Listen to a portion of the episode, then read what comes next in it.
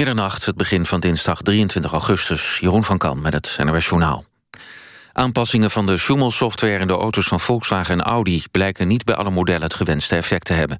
Uit tests blijkt dat de Audi Q5 na een update van de software... meer stikstoffen uitstoot dan daarvoor. Moederbedrijf Volkswagen had juist beweerd dat de update... geen negatieve gevolgen zou hebben... voor het verbruik en de prestaties van de dieselmotoren. Een Duitse consumentenorganisatie eist van de Duitse minister van Verkeer... dat alle gerepareerde auto's opnieuw getest worden... door een onafhankelijke partij. Een Nederlandse jongen van acht is in Zweden om het leven gekomen bij een explosie. Er ontplofte een granaat in een appartement in Gothenburg... waar hij logeerde bij familie. De jongen is geboren in Birmingham in Engeland en woonde er ook... maar had de Nederlandse nationaliteit. Volgens de Birmingham Mail waren zijn Nederlandse ouders in 2001 verhuisd naar Engeland. Politie in Zweden onderzoekt wat er precies is gebeurd. Turkije heeft in Syrië doelen van islamitische staat aangevallen. Turkse minister van Buitenlandse Zaken zei eerder vandaag al... dat IS-strijders verjaagd moeten worden uit de grensregio in Syrië. Behalve de aanvallen op IS heeft de Turkse leger Koerdische milities... in de stad Manbij bestookt. Die stad, net over de grens met Syrië, werd onlangs heroverd op IS. Huisartsenposten hebben het steeds drukker. Dat blijkt uit een jaarlijkse inventarisatie van de huisartsenposten zelf. Door de toenemende drukte zijn artsen slechter bereikbaar. Huisartsenposten nemen de taken van de gewone huisarts... in de avond, nacht en in het weekend over. Volgens de huisartsen kunnen steeds minder telefoontjes... binnen twee minuten worden opgenomen, wat wel de norm is. De toename van het aantal telefoontjes wordt volgens de huisartsen... vooral veroorzaakt door ouderen en mensen met psychische klachten... die langer thuis blijven wonen dan voorheen. Het weer tot besluit. Vannacht blijft het op de meeste plaatsen droog. In het zuiden is het helder. In het noorden is het iets bewolkter. Het koelt af naar een graad of 15. Morgen is het vrij zonnig en wordt het 25 tot 28 graden. Woensdag en donderdag is het met 27 tot 33 graden zomers warm. Dit was het NOS Journaal. NPO Radio 1. VPRO. Nooit meer slapen.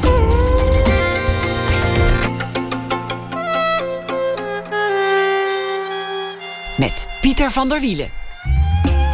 Goedenacht en welkom bij Nooit meer slapen. Na één uur hoort u zanger en liedschrijver Tim Knol over zijn andere passie, fotografie. Aandacht ook voor 100 jaar Roald Daal. We bespreken dat met bewonderaars, zanger en schrijver Jerry Hormoon en dichter Ellen Dekwits. En we beginnen het nieuwe seizoen van Nooit meer slapen met een week die in het teken zal staan, althans gedeeltelijk van de journalistiek. Deze week vijf journalisten te gast in het eerste uur. Te beginnen met Hans Nijenhuis. Sinds deze zomer is hij hoofdredacteur van het Algemeen Dagblad. Een opmerkelijk stap, want Nijenhuis was zo'n beetje vergroeid met het veel chicere NRC Handelsblad. Hans Nijenhuis, geboren in 1962, was al daar adjunct hoofdredacteur, uitgevend directeur en een van de bedenkers van NRC Next. En daarvoor ook nog correspondent in Moskou. En nog heel veel andere functies heeft hij daar bekleed.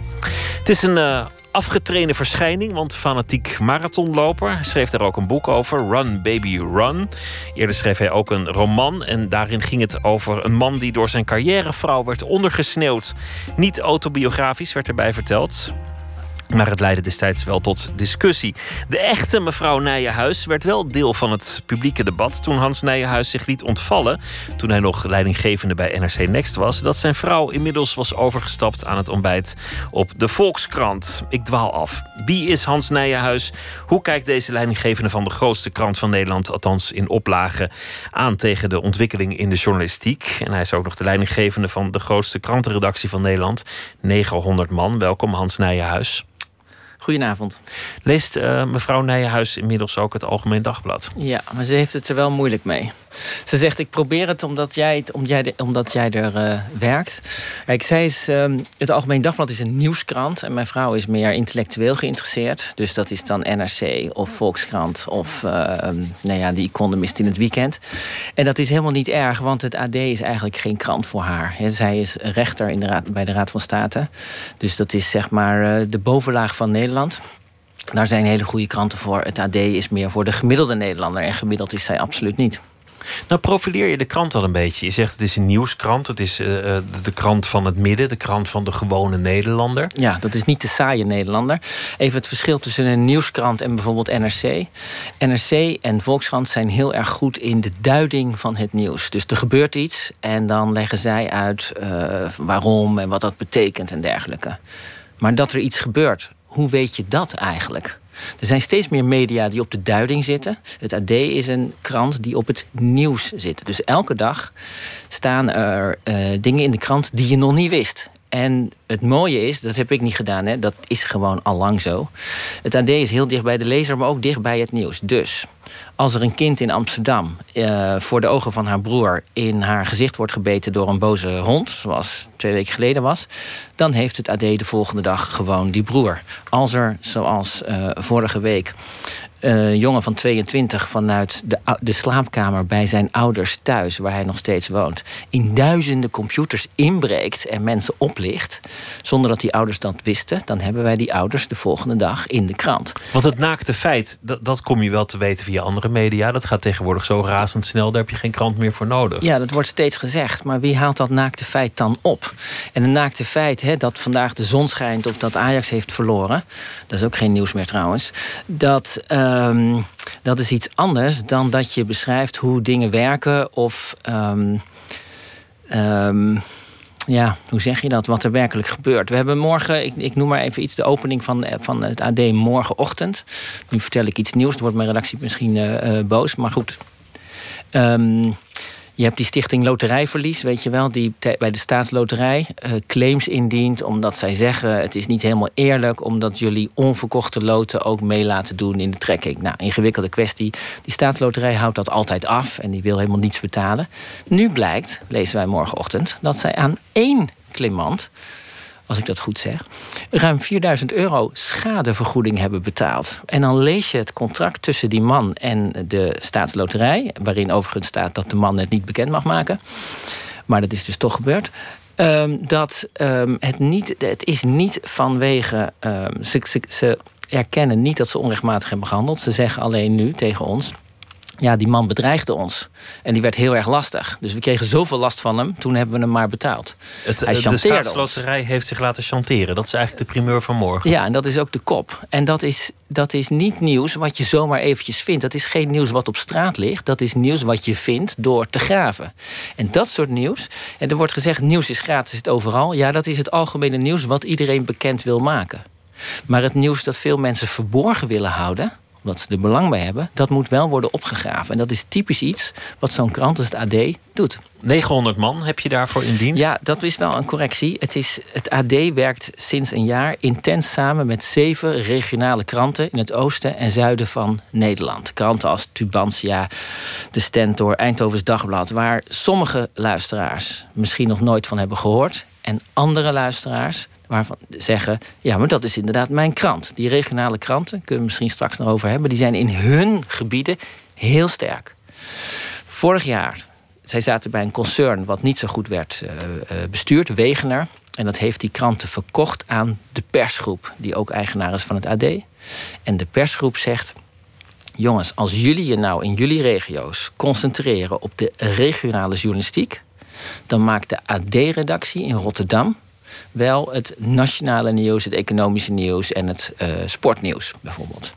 Dus stukken van die centrale redactie, waar ik dan leiding aan geef, die komen in die regionale kranten. En andersom komt er nieuws wat uit die regio's komt, maar de regio eigenlijk overstijgt. In het AD en ook weer in andere krant.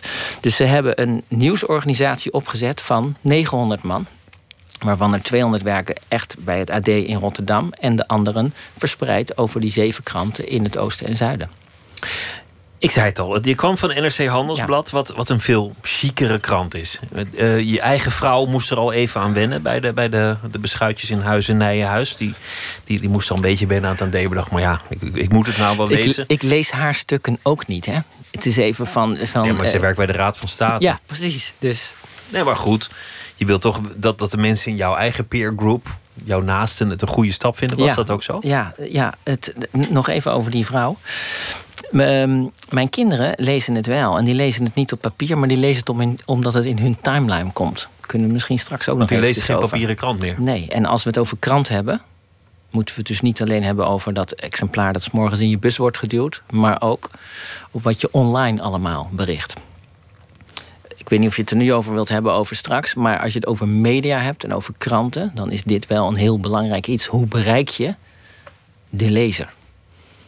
En kijk, wij zijn opgegroeid, als ik eh, even mag inschatten dat u ongeveer net nou, tien jaar jonger bent dan ik. Wij zijn opgegroeid in de tijd dat wij kranten in de bus duwden bij de mensen. Dat gebeurt nu nog steeds.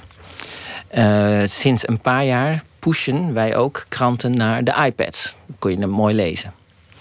Maar die nieuwe generatie, um, een generatie is niet per se leeftijdsgebonden, maar in het algemeen jonge mensen, die zijn eigenlijk zelf de bezorger. De lezer, de gebruiker, is de bezorger.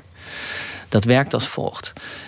Kijk, wij hebben het nog wel eens over wat staat er in de krant. Daar heb je met je vrouw over. Als je aan jonge mensen vraagt hoe komen zij aan hun nieuws, dan zeggen ze: Nou, als het belangrijk is, dan komt het wel in mijn timeline. Oké, zeg je dan, hè? timeline, Facebook, Twitter. Als je, WhatsApp, whatever. Als je dan vraagt, ja, maar als het nou niet in je timeline komt, dan zeggen ze, nou, dan is het niet belangrijk. Dit betekent nogal wat als je hierover nadenkt. Want bijvoorbeeld het NOS-journaal, wat een prachtig programma is, komt niet bij mijn dochters van 19 en 17 in de timeline. Zelfs De Wereld Draait Door komt niet in hun timeline. Lucky TV, dat onderdeel uit De Wereld Draait Door, komt absoluut in hun timeline. Want dat kun je delen. De speld, waarvan de hoofdredacteur en de maker hier vrijdag zit, komt ook in de timeline. Waarom is dat? Iets komt in de timeline als een van jouw vrienden het wil delen. Wanneer wil je iets delen? Als het relevant is voor jou en als het iets over jouw identiteit zegt. Als je daar wel gezien mee wil worden. Het is net als dat je op de bank zit en je tegen je vrouw zegt: hey, moet je dit even lezen? Dat zeggen zij tegen hun vrienden. Het AD zie ik steeds vaker in de timeline van mensen verschijnen. En maar dat goed, is mooi. Oké, we gaan even door in die, in die redeneertrand. Dat is natuurlijk voor een, voor een hoofdredacteur iets moois. Je nieuws wordt, wordt, wordt opgeraapt. Mensen delen het uh, via sociale media of internet of op, op wat voor manier dan ook. Mhm.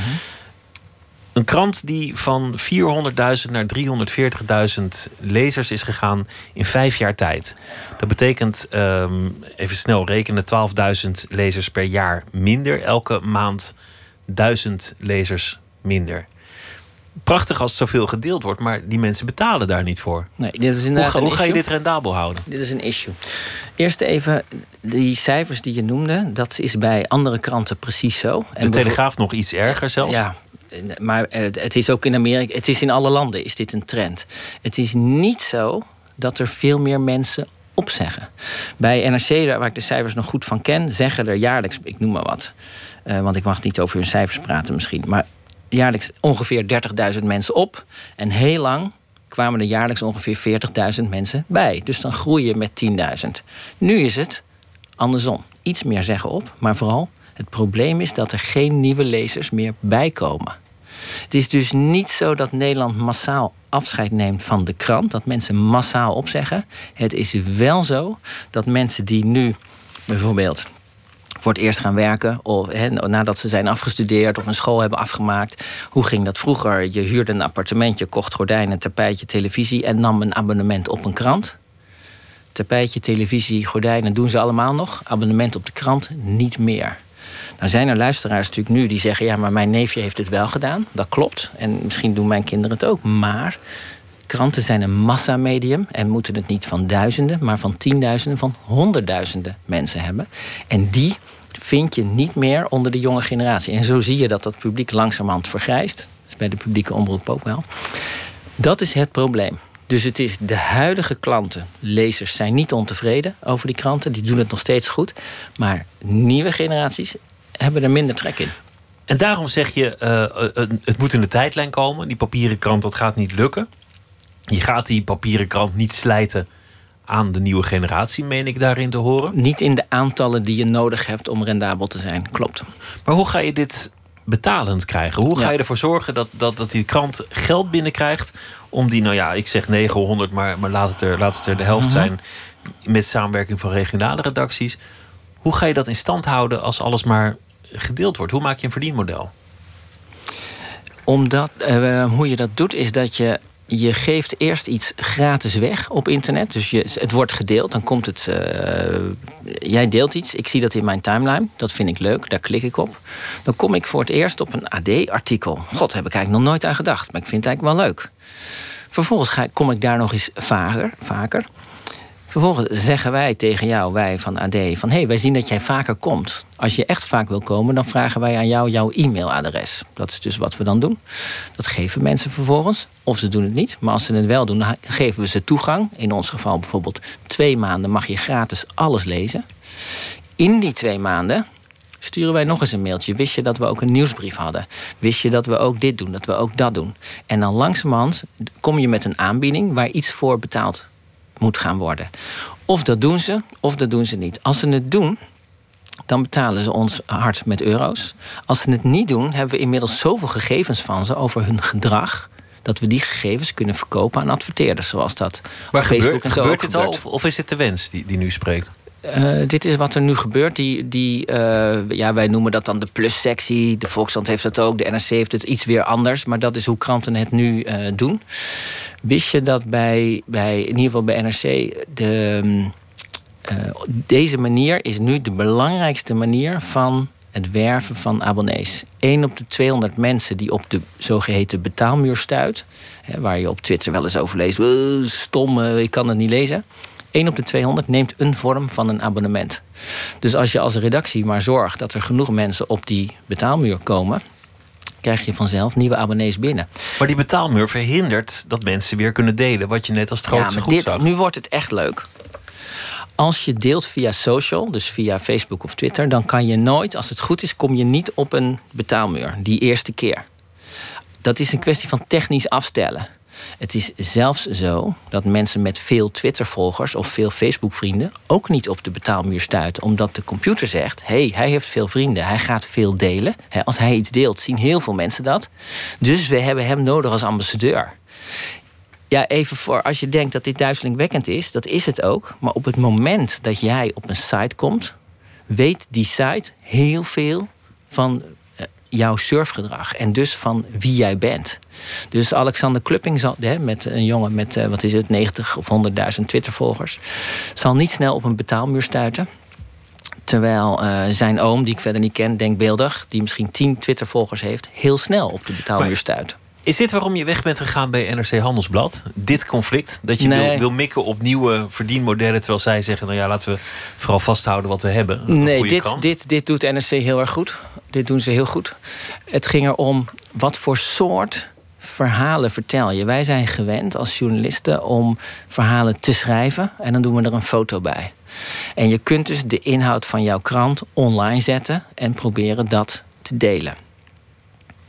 Maar als je in de tram het gedrag van jongeren bestudeert of ergens anders, dan zie je dat zij heel vaak tegen elkaar zeggen: Heb je dit gezien? En dan laten ze hun telefoon zien. Ze zeggen niet zo vaak: Heb je dit gelezen?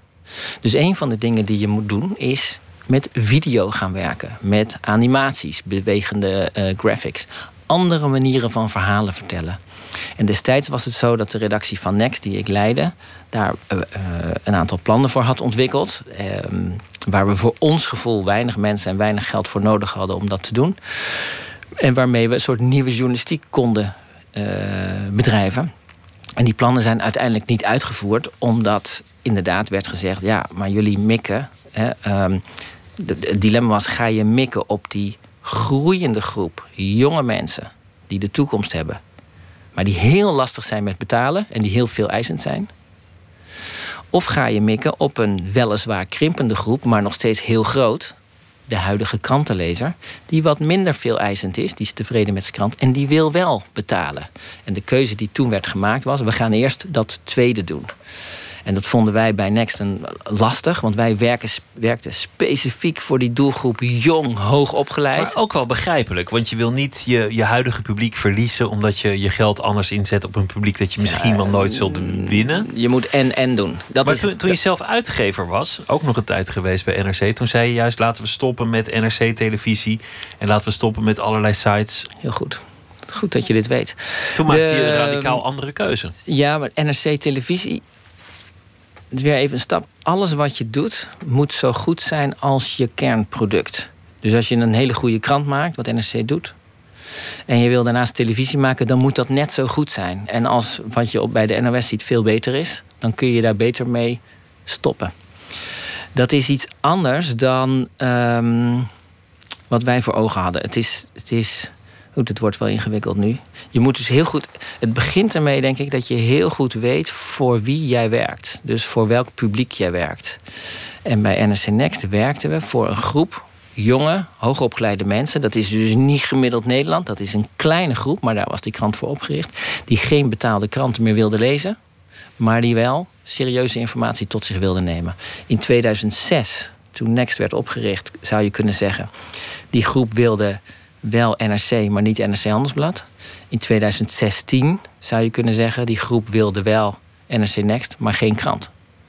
Dat is eigenlijk uh, wat ons gevoel toen uh, was. NRC Next is, is een vreemd iets in jouw leven en, en loopbaan. NRC Next was jouw grote succes. Mm. Was waar je om werd geprezen. NRC Next is je ook een klein beetje ontglipt. En uiteindelijk kwam er een soort babytje min of meer uit de kringen van NRC Next, namelijk de correspondent waarvan ik eigenlijk denk, wat een sukkels bij NRC dat ze dat niet binnen hebben weten te houden, dat dat niet van hun is. De correspondent is eigenlijk de onderafdeling die NRC had moeten hebben. Daar ben ik het helemaal mee eens. maar Eerst even over dat NSC Next. Ik kreeg de lof, maar ik heb het natuurlijk niet alleen gedaan. Er was een groep die het heeft opgericht en er was een redactie die het maakte. En als je toevallig daar leiding geeft, dan mag je eh, het gezicht zijn. Wat na mij uh, Titia Ketelaar en Rob Wijnberg is uh, geweest. Ja, het is inderdaad zo dat de jongens die de correspondent hebben opgericht, Rob Wijnberg en Ernst-Jan Fout, dat dat beide jongens zijn, mannen zijn, jongens, die wij bij NRC Next hebben aangenomen en waarvan wie wij het gevoel hadden zij zijn de volgende generatie, zij snappen de toekomst goed. En dat een deel van wat zij nu hebben gemaakt met de correspondent, dat ze dat al hebben bedacht en ontwikkeld toen ze nog bij NRC uh, zaten. Maar goed, toen had de NRC weer andere eigenaren dan nu, namelijk een private equity firma. Uh, en die zei, ja, wij doen, wij, die zei, wij doen eigenlijk niet aan start-ups. Wij hadden het gevoel. Um, misschien moet ik even anders beginnen. Dan, dan, dan, we hebben toch even de tijd. Dan begrijp je ook beter hoe ik werk. In 2006, toen was Next opgericht, was alleen een krant. Er was geen site bij. Toen op een gegeven moment, uh, ik mocht toen ergens toespraken houden. En toen kwam er een jongen op me af en die zei: Mag ik jou interviewen voor mijn blog? 2006 was dat. Hè? Je had nog nauwelijks blogs. Social media waren, die begonnen, die waren er nog nauwelijks. En uh, toen zei ik, ja, tuurlijk, uh, kom een keer langs. Dus die jongen kwam langs. En zoals dat dan gaat in een interview, dan zeg je wel eens wat te veel. En het was gewoon een onschuldige jonge jongen met een blog. Dus wat maakt het uit? Een paar dagen later werd ik van allerlei kanten aangesproken op wat ik had gezegd tegen die jongen. En toen keek ik online en toen stond het ook overal. En toen belde ik hem. Toen zei ik, toen zei ik maar jij zei toch dat het voor jouw blog was? En toen, toen heeft hij mij uitgelegd hoe social media werken, hoe delen werkt. En dat stuk van hem was dus overal gedeeld. Dat had hij ook gepusht. Die jongen was Ernst Jan Fout. En toen heb ik aan hem gevraagd: wil jij niet bij ons komen werken? Bij NRC Next. En ons uh, een Next blog maken. Dat heeft hij toen gedaan. En binnen een jaar had hij iets gemaakt waar hij verschillende prijzen voor heeft gewonnen. Flash forward, een paar jaar later werd ik directeur van NRC. En toen heb ik aan Ernst-Jan Fout gevraagd... wil jij niet baas digitaal van NRC worden? Dat werd hij toen. En Rob Wijnberg werd uh, hoofddirecteur van NRC Next. Peter van der Meers en ik hebben dat toen mogen beslissen. Met Dirk Sauer was er nog bij als voorzitter van de Raad van Commissarissen... en een beetje onze mentor. Nou, na zo'n jaar is zo'n binnen een jaar had Ernst Jan Fout digitaal NRC op de kaart gezet. Was de website goed. Die gast is gewoon hartstikke goed. Dus, en die jonge jongens gaan zich dan een beetje vervelen. En dit was het moment dat wij dachten: kijk, uh, dat was ons doel vanaf het begin. Je zorgt dat die oplage op peil blijft, dat de advertenties weer goed gaat. En dan moet je je gaan ontwikkelen voor de toekomst. Dan ga je als het ware start-ups binnen je bedrijf beginnen. Dus wij zeiden tegen Ernst-Jan Fout: Nou, Ernst-Jan, als jij nou een miljoen zou hebben, wat zou je dan doen? eerst keek hij me een beetje zo aan, keek hij ons aan van wat bedoel je? Dus nou ja, als jij iets wil maken voor jouw groep met ons soort informatie, wat zou je dan doen? Toen ging hij nadenken en toen kwam hij terug met een soort idee dat inderdaad is gaan lijken op wat de correspondent nu is geworden. Hè? Die commentaren die je bij de correspondent hebt, die niet gewoon reacties zijn dat je van alles roept, maar dat je vanuit je deskundigheid iets mag uh, zeggen is iets wat zij toen al hadden. Een netwerk opbouwen van deskundigen correspondenten, is iets wat hij toen al had uh, bedacht. 40.000 betalende lezers hebben ze inmiddels. Die, die had NRC kunnen hebben. Genoeg over, over dat verleden. Maar, maar dit, dit geeft ook aan dat het, dat het iets menselijks is. Je hebt te maken met een concern, met een, met een cultuur. Met, met mensen die de baas zijn en die misschien het niet meteen op waarde weten te schatten. Je hebt te maken met oude bedrijven. Ik heb hier het AD van hedenochtend. De krant waar je nu de leiding over hebt. Jullie openen met: Dit is een goed stel. Over de Olympische sporten. Dit is dus zoiets waarvan mijn vrouw zegt: Wat is dit voor kop? En ik zei: Schat, Theo Rijtsma 1988. Ze weet niet wat Theo wie Theo Rijtsma is. En 1988 zegt daar ook weinig. Voor de mensen die het niet weten. Nederland werd Europees kampioen. En ze kregen een huldiging. En Theo Rijtsma eh, historische sportcommentator, echt een geweldige man die dat geweldig deed. Dit is een goed stel hoor, zei hij toen. Dat is zo'n geluidsfragment. Als je het googelt, dan hoor je het ook. En dan heb je ook allerlei persiflages erop. AD-lezer houdt van sport en die weet dat. En die ziet dus die knipoog. AD is natuurlijk een sportkrant. AD is ook een krant die probeert positief te zijn. Ja. Niet te, eh, te negatief. Heel veel voornamen in de koppen valt mij op. Het gaat over Jury. En iedereen wordt eigenlijk bij de. Ik telde in, in de koppen, in de voorkeur, zo'n 16 koppen met een voornaam. Is vooral bij sporters natuurlijk. Want Jury van Gelder ken je als Jury. Daphne ken je als Daphne. Ranomi ken je als Ranomi. Dus dan kan je dat gewoon doen. Ja, dat, dat is ook om het maar is het ook om het, om het een familiekrant te maken? Het uh, gezin, sport en regio zijn de drie pijlers van het uh, AD. Dit is om de krant uh, menselijk en heel dichtbij te maken. Dichtbij is dat hij deel uitmaakt van jouw leven. Dat het niet een afstandelijk iets is, wat alleen jouw hoofd een beroep doet op jouw hoofd. Maar dat het iets is, onderdeel van je dagelijks leven, wat ook heel erg spreekt op je, op je hart en op je onderbuik, op je, gewoon op je hele mens zijn. En als je het met, je met vrienden heb je het ook over Daphne. Hè? Wat vond je nou? Ja, ze heeft zilver gehaald, ze was ontevreden. Hoe vond je dat Daphne reageerde? Zo praten mensen met elkaar. Dus dan mag je dat ook wel op. We zullen nooit Schippers zetten. Hoe vond je dat Schippers reageerde op haar zilveren medaille? Dat zegt toch niemand? NRC zou zeggen van Gelder te zien op Lowlands. ja. Daar hebben we de hele cultuur uh, te pakken. Ja, overigens, eh, laten we wel even vaststellen. Uh, NRC Handelsblad is een geweldig goede krant. Hè? Want anders denken mensen, hij zit kritiek te geven. Nee, het is een, het is een krant waarvan ik hou, waar, die ik elke dag nog lees. En waar mensen werken, zoals Guus Valk in Washington, Titia Ketelaar in Londen. Waar ze columns hebben van Caroline de Gruyter. Dat is gewoon de top van Nederland. Laat dat even gezegd zijn.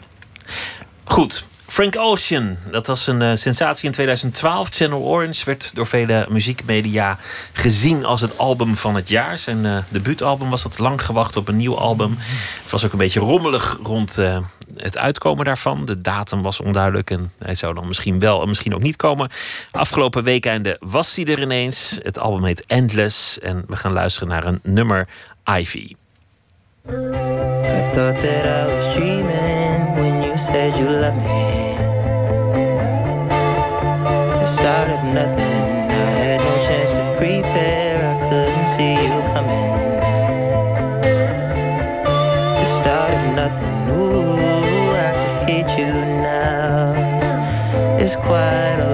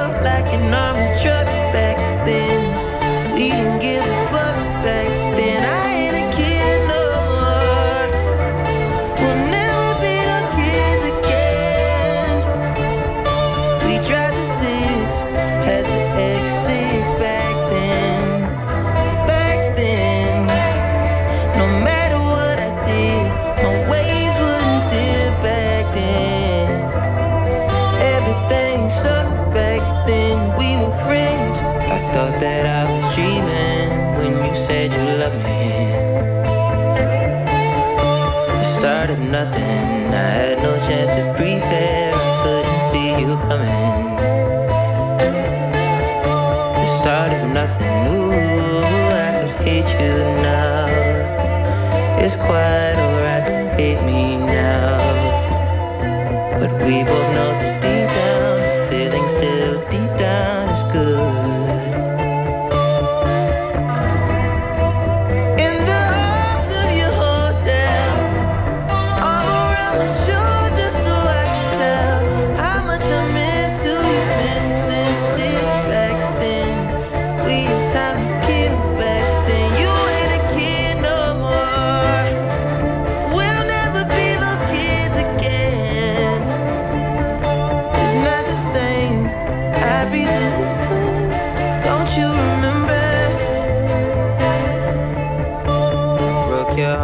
this week, you'll probably feel better by the weekend. Still remember, had you going crazy, screaming my name. The feeling deep down is good. I thought that I was dreaming when you said you loved me.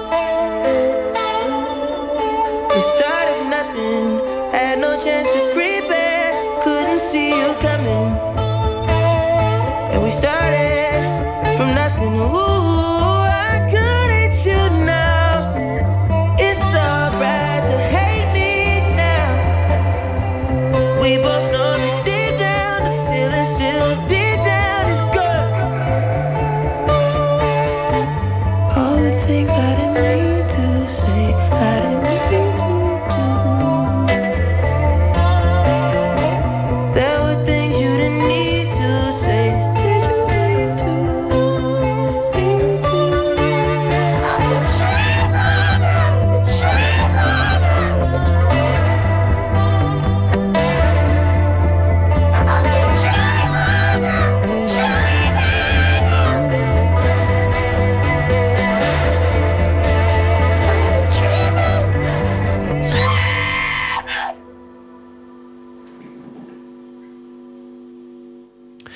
het nieuwe, lang verwachte album van Frank Ocean was dat Ivy. Nooit meer slapen in gesprek met Hans Nijenhuis, hoofdredacteur van het Algemeen Dagblad. Die net al iets vertelde over eh, de plannen voor de toekomst. Het meest gedeelde artikel op dit moment eh, van het Algemeen Dagblad was een eh, spraakmakend interview met Hans van der Tocht uit het magazine van afgelopen weekend. Een, een prachtig interview over ouderdom, oud worden, eenzaamheid en een zeer openhartige voormalig presentator van, van Rad voor Fortuin die dat. eh, Ja, en dat is, dus zo'n, dat is dus zo'n interview dat gelezen is door talloze mensen die nooit het AD zien. En het AD ook nooit zouden zien, waren het niet dat ze dit in hun timeline hebben gekregen. En ik heb dus reacties, kijk, ik ben dol op social media, dus je zit te kijken wat er op Facebook en op Twitter gebeurt. Maar mensen als. ehm, die ik toevallig ken. En Grete Riemersma, een journalist die hele goede interviews maakt voor de Volkskrant. Echt heel goed. Die pusht dat interview en complimenteert het. Stijn Bronswaarde, chef media van NRC, hele goede journalist. Die zegt: Dit is een geweldig interview, dat moet je lezen. En zo gaat dat interview dus overal door. Het was eh, trending op Twitter, eh, voor zover dat wat zegt, op een zaterdag.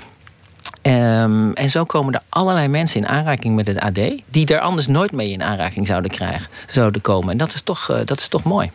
Alleen de foto, ja, hij, hij noemde het zelf een, een, een bos cement voor de deur of een, of een bak cement die hij elke dag mee torste. En die, die bak cement, zijn- zijn buik, die, die, die had de fotograaf ook best een beetje, had er wel een complimenteuzere, maar ja, foto kunnen maken.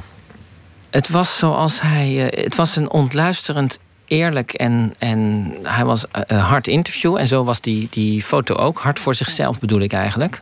En de reacties waren best. ehm, eh, invoelend en meelevend. Er waren s- zo coaches die hun diensten aanboden aan hem. Maar er, was eigenlijk, er waren niet zoveel mensen die zeiden: wat is dit voor vent of zo. Mensen voelden wel warmte voor hem. En ik eerlijk gezegd zou dat ook kunnen zijn omdat er herkenbaarheid in zit.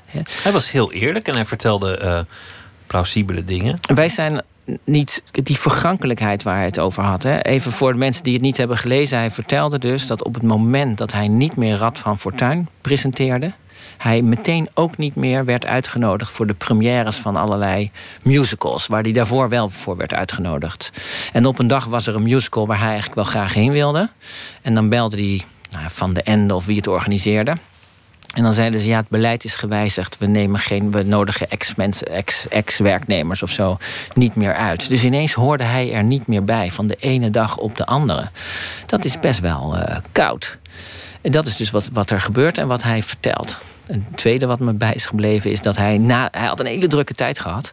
En toen heeft hij dus een huis in Friesland gekocht. Hoe rustig kun je het hebben?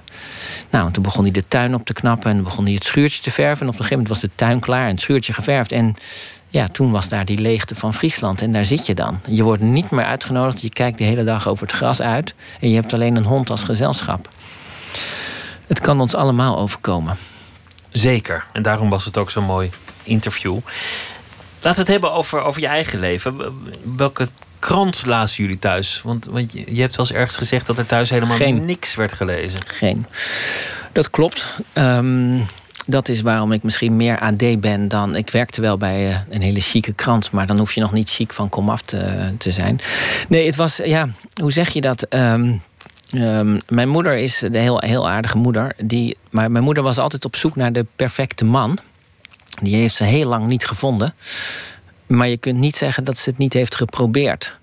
Dus het was nogal eens onrustig bij, mij, bij ons thuis. Dus ze is gescheiden van mijn vader toen ik een jaar of acht was. Toen ik tien was, was ze weer bij elkaar. Daarna is ze weer gescheiden. Toen kreeg ze verschillende andere relaties. En die mannen komen dan langs. En nou, weet je hoe dat ging in de jaren zeventig? In de jaren zeventig, dan, dan uh, ging je... In de zomer stonden wij op een camping. Dus mijn twee broers, zus, ik en mijn moeder. En dan stond haar lover op de camping ernaast met zijn kinderen en zijn vrouw. En dan was hij drie dagen in de week op die ene camping en vier dagen in de week bij ons en de volgende week andersom. Dat ging gewoon zo in de jaren zeventig. Het was wel de directeur van de school waar ze werkte. Dus dat kon dan niet langer. Dus moest zij een andere baan zoeken op een andere school. Verhuisden wij van Hoorn naar Alkmaar. We zijn veel verhuisd. Woonde hij de ene week in Hoorn bij zijn gezin daar en de andere week in Alkmaar bij ons. Dat was best wel gek.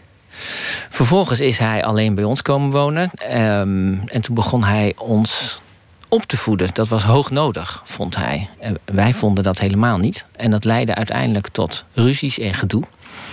Um, mijn zus is weggelopen, mijn oudste broer is weggelopen. Mijn, de broer die direct boven mij zit is weggelopen. Die laatste zelfs met lakens uit het raam, serieus, uit het zolderraam waar wij sliepen. In ieder geval was er in dat klimaat geen, uh, geen journaal, geen, geen kranten, geen boeken, geen intellectuele vorming, zal ik maar zeggen. Maar het mooie is dat ik altijd uh, op een of andere manier geluk heb gehad dat er mensen een leraar op school of een oom of later een collega. Dat, dat, dat er mensen waren of een ouder van een vriendinnetje die me dan als het ware bij de hand nemen, namen en een stap verder lieten zetten. Dus bijvoorbeeld, ik heb ook een tijdje bij twee vriendinnetjes gewoond. Dat waren twee zusjes. Hè, dat gewone, laten we zeggen, vrienden, vriendinnetjes. Hoe zeg je dat? Waarmee je uh, speelt en, en uitgaat en zo. En die ouders, die man was een leraar op het gymnasium. Eh, Toon heette die, Toon op Stelte. Hij is helaas overleden. En dan kwam ik daar thuis en die man die zag het kennelijk wel in mij... want die liet me dan ja, Schubert horen. Had ik nog nooit van gehoord. Hij liet mij een krant lezen. Ze hadden daar twee kranten, Noord-Hollands Dagblad en het NRC. Hij liet mij fotograferen. Hij nam mij mee hardlopen. Elke zaterdagavond liep die man 10 kilometer van Bergen naar Egmond en weer terug. Dan reed hij dan met zijn Volkswagen Kevertje heen. Hij woonde in Alkmaar. Uh, ik had een enorme band met die man en daar leerde ik dus heel veel van. En was dat leren, die, die honger om, om te leren? Van Schubert tot, uh, tot de krant lezen, tot later geschiedenis studeren en de London School of Economics, die ja. waar je ook nog hebt gezeten. Was het ook een manier om, om jezelf omhoog te werken? Ja. Om toegang te verschaffen? Nou, ik vond het gewoon heel. Uh, ik vond het super spannend wat er allemaal in die krant stond. De wereld ging voor me open. Ik vond die muziek ook heel spannend. Hè. Er, is, er is klassieke muziek die dicht bij Pink Floyd en zo aan ligt, die weer dicht bij Radiohead zit, de muziek van uh, nu. Um, ik vond het gewoon heel erg mooi. Ik vond fotografie heel erg mooi. Dus het was niet ambitie van ik wil dit om hogerop te komen, maar het was een honger naar kennis, naar dingen die ik niet wist. Maar kennis is, is ook, los van dat de muziek heel mooi is, of, of, of dat de, de kunst prachtig is waar je veel van weet, of de literatuur. Kennis is ook vaak het toegangskaartje om in bepaalde kringen geaccepteerd te worden. Ja, um, dat vond ik dan minder van belang. Want als, bijvoorbeeld als je rijk wilt worden, dan kun je beter ondernemer worden of advocaat of zo. Het. Um, eh, als je bepaalde kringen bedoelt mensen met wie je een gesprek kan voeren, dan ja. Op nou ja, een de redactie moment, van NRC Handelsblad zou ja, zo'n kring kunnen zijn. Absoluut, absoluut. Op een gegeven moment eerst nog, eh, in die, toen ik 16 was, zijn we naar Den Haag verhuisd. En toen leerde ik een man kennen, dat was een oom. Oom Roel heette die. Helaas ook overleden. Dat was een man die op een gegeven moment mij elke maand 25 gulden gaf, gulden toen nog, om een boek te kopen. Of twee boeken als je pockets kocht. En daar sprak hij dan met jou over. En als we met vakantie gingen, we gingen met hen mee met vakantie, mijn moeder en ik. Naar Adelbode in Zwitserland. En dan moesten wij de afwas doen. Heerlijk, kon ik met hem de afwas doen. En hadden wij hele gesprekken over Herman Hesse en Kafka en zo. En dat was ik allemaal aan het ontdekken. En ik vond het geweldig om met die man eh, te spreken. Bruggetje misschien naar NRC. Deze man leerde mij veel. Bij NRC zitten superveel hele intelligente interessante mensen. Maarten Schinkel of Caroline de Gruiter. Met wie je heel mooi kan praten. En die gewoon meer weten dan jij. En daar leer je van. En het is toch, er is toch weinig mooiers in het leven dan nog dingen leren.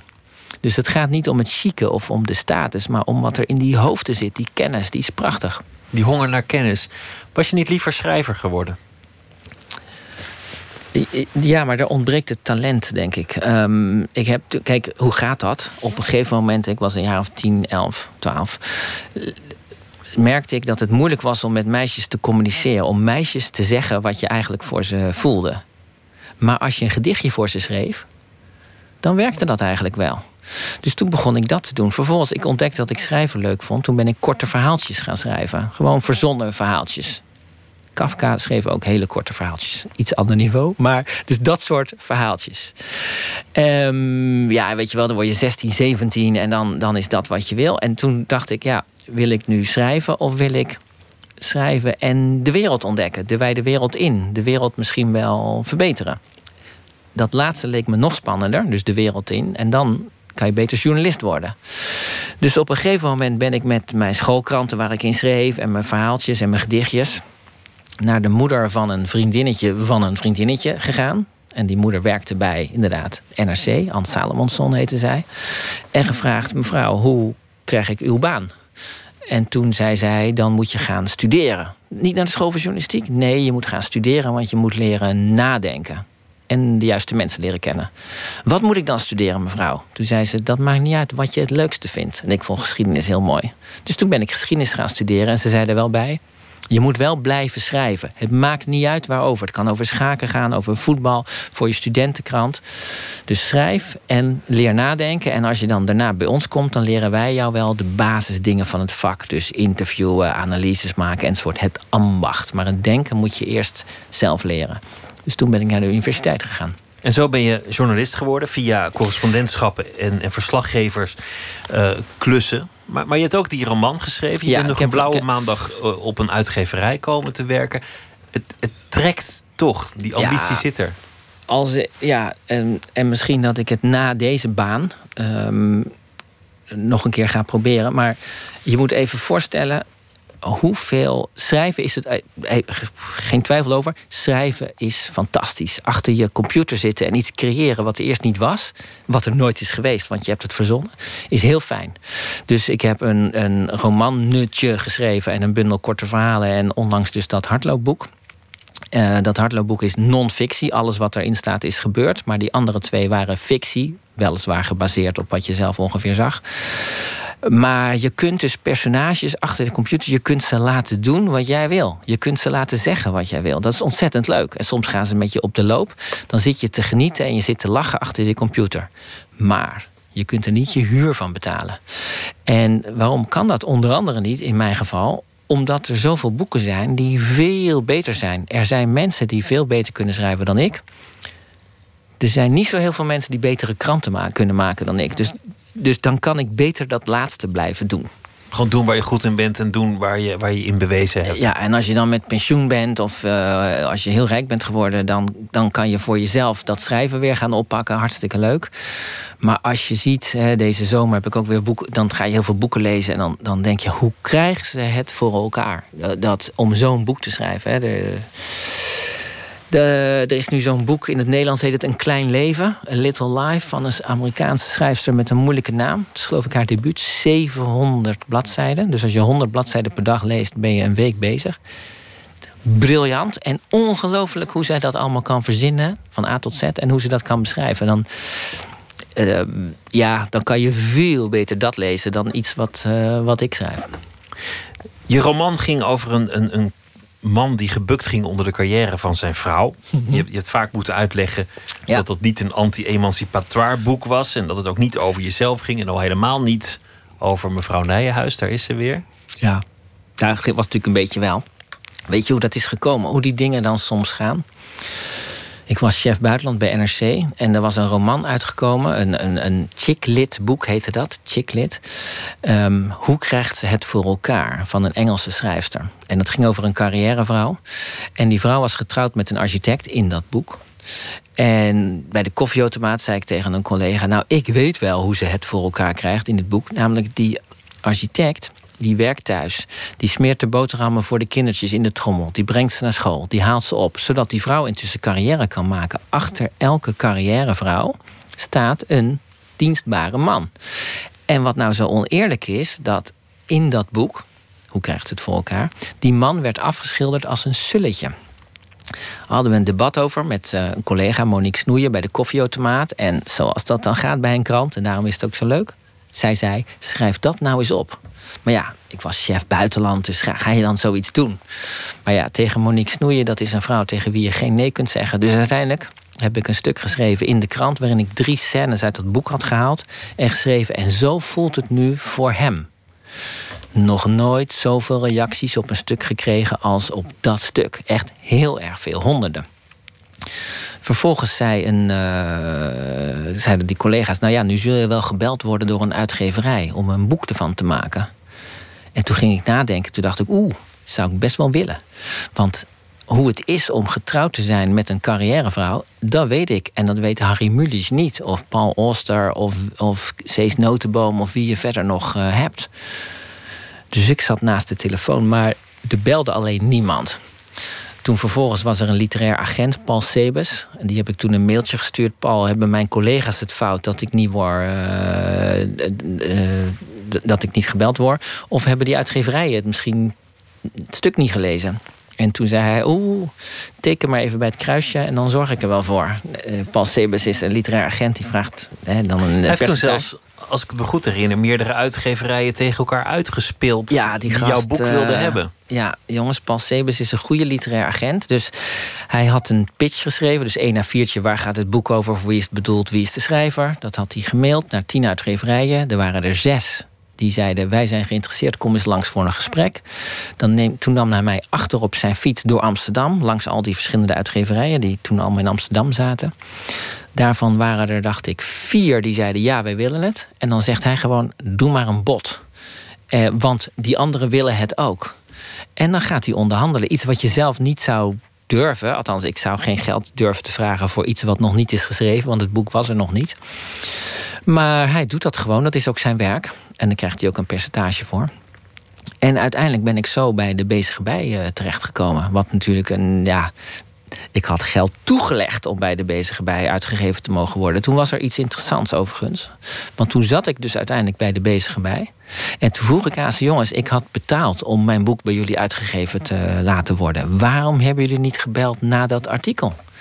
En toen zeiden ze, ja maar Hans, wij dachten, je kunt, je kunt ons toch gewoon bellen als je een boek bij ons wil uitgeven. Want we kennen elkaar toch? Hè? NRC en Bezige Bij, dat is toch zeg maar. Hè? Dat zijn toch vrienden, dat is toch ons soort mensen. Dat is dat chique. En toen zei ik, ja, maar jongens, als ik, ik zou ook best bij Ajax willen voetballen, maar dan bel ik toch niet naar de arena om te zeggen: hier ben ik, wanneer kan ik meedoen? Dat is iets wat je niet doet. Toen keken zij heel uh, verbaasd en dat heb ik later onthouden toen ik bij de Bezige Bij zelf ben gaan werken. Maar überhaupt überhaupt. De e vrij elitaire mensen achten het vanzelfsprekend dat de ander ook zo is. Het vriendje van mijn dochter, misschien mag ik dat even zeggen, die loopt nu kennismakingstijd bij Augustinus in Leiden. En wat moet hij volgende week meenemen? Een oude hockeystick en een oud tennisracket. Zij gaan er dus van uit. Dat je die nog in de kast hebt liggen omdat je op hockey of tennis hebt gezeten. Wat die arme jongen natuurlijk helemaal niet heeft.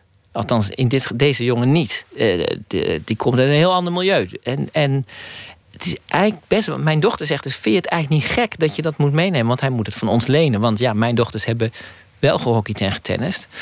En eigenlijk is dat wel gek, maar daar denk je dus helemaal niet over na. Maar het is grappig dat jij erover nadenkt, omdat je jezelf kennelijk in al die jaren bij NRC een beetje een buitenstaander toch hebt gevoeld. Je zegt, eigenlijk was ik altijd AD. Ja, dat zeg je ook nu, want, Ja, want dat precies. moet je ook zeggen, want dat is je baan, eh, snap Ja. ik ook wel. Maar dat, dat je ergens toch altijd het gevoel hebt gehad van, ik ben hier nou wel, maar hoor ik hier eigenlijk wel? Ja, maar NRC is een hoe zeg je dat? Uh, op verdiensten kun je erbij komen. Dat is het mooie van Nederland. Meritocratie. En, juist. En er werken dus veel.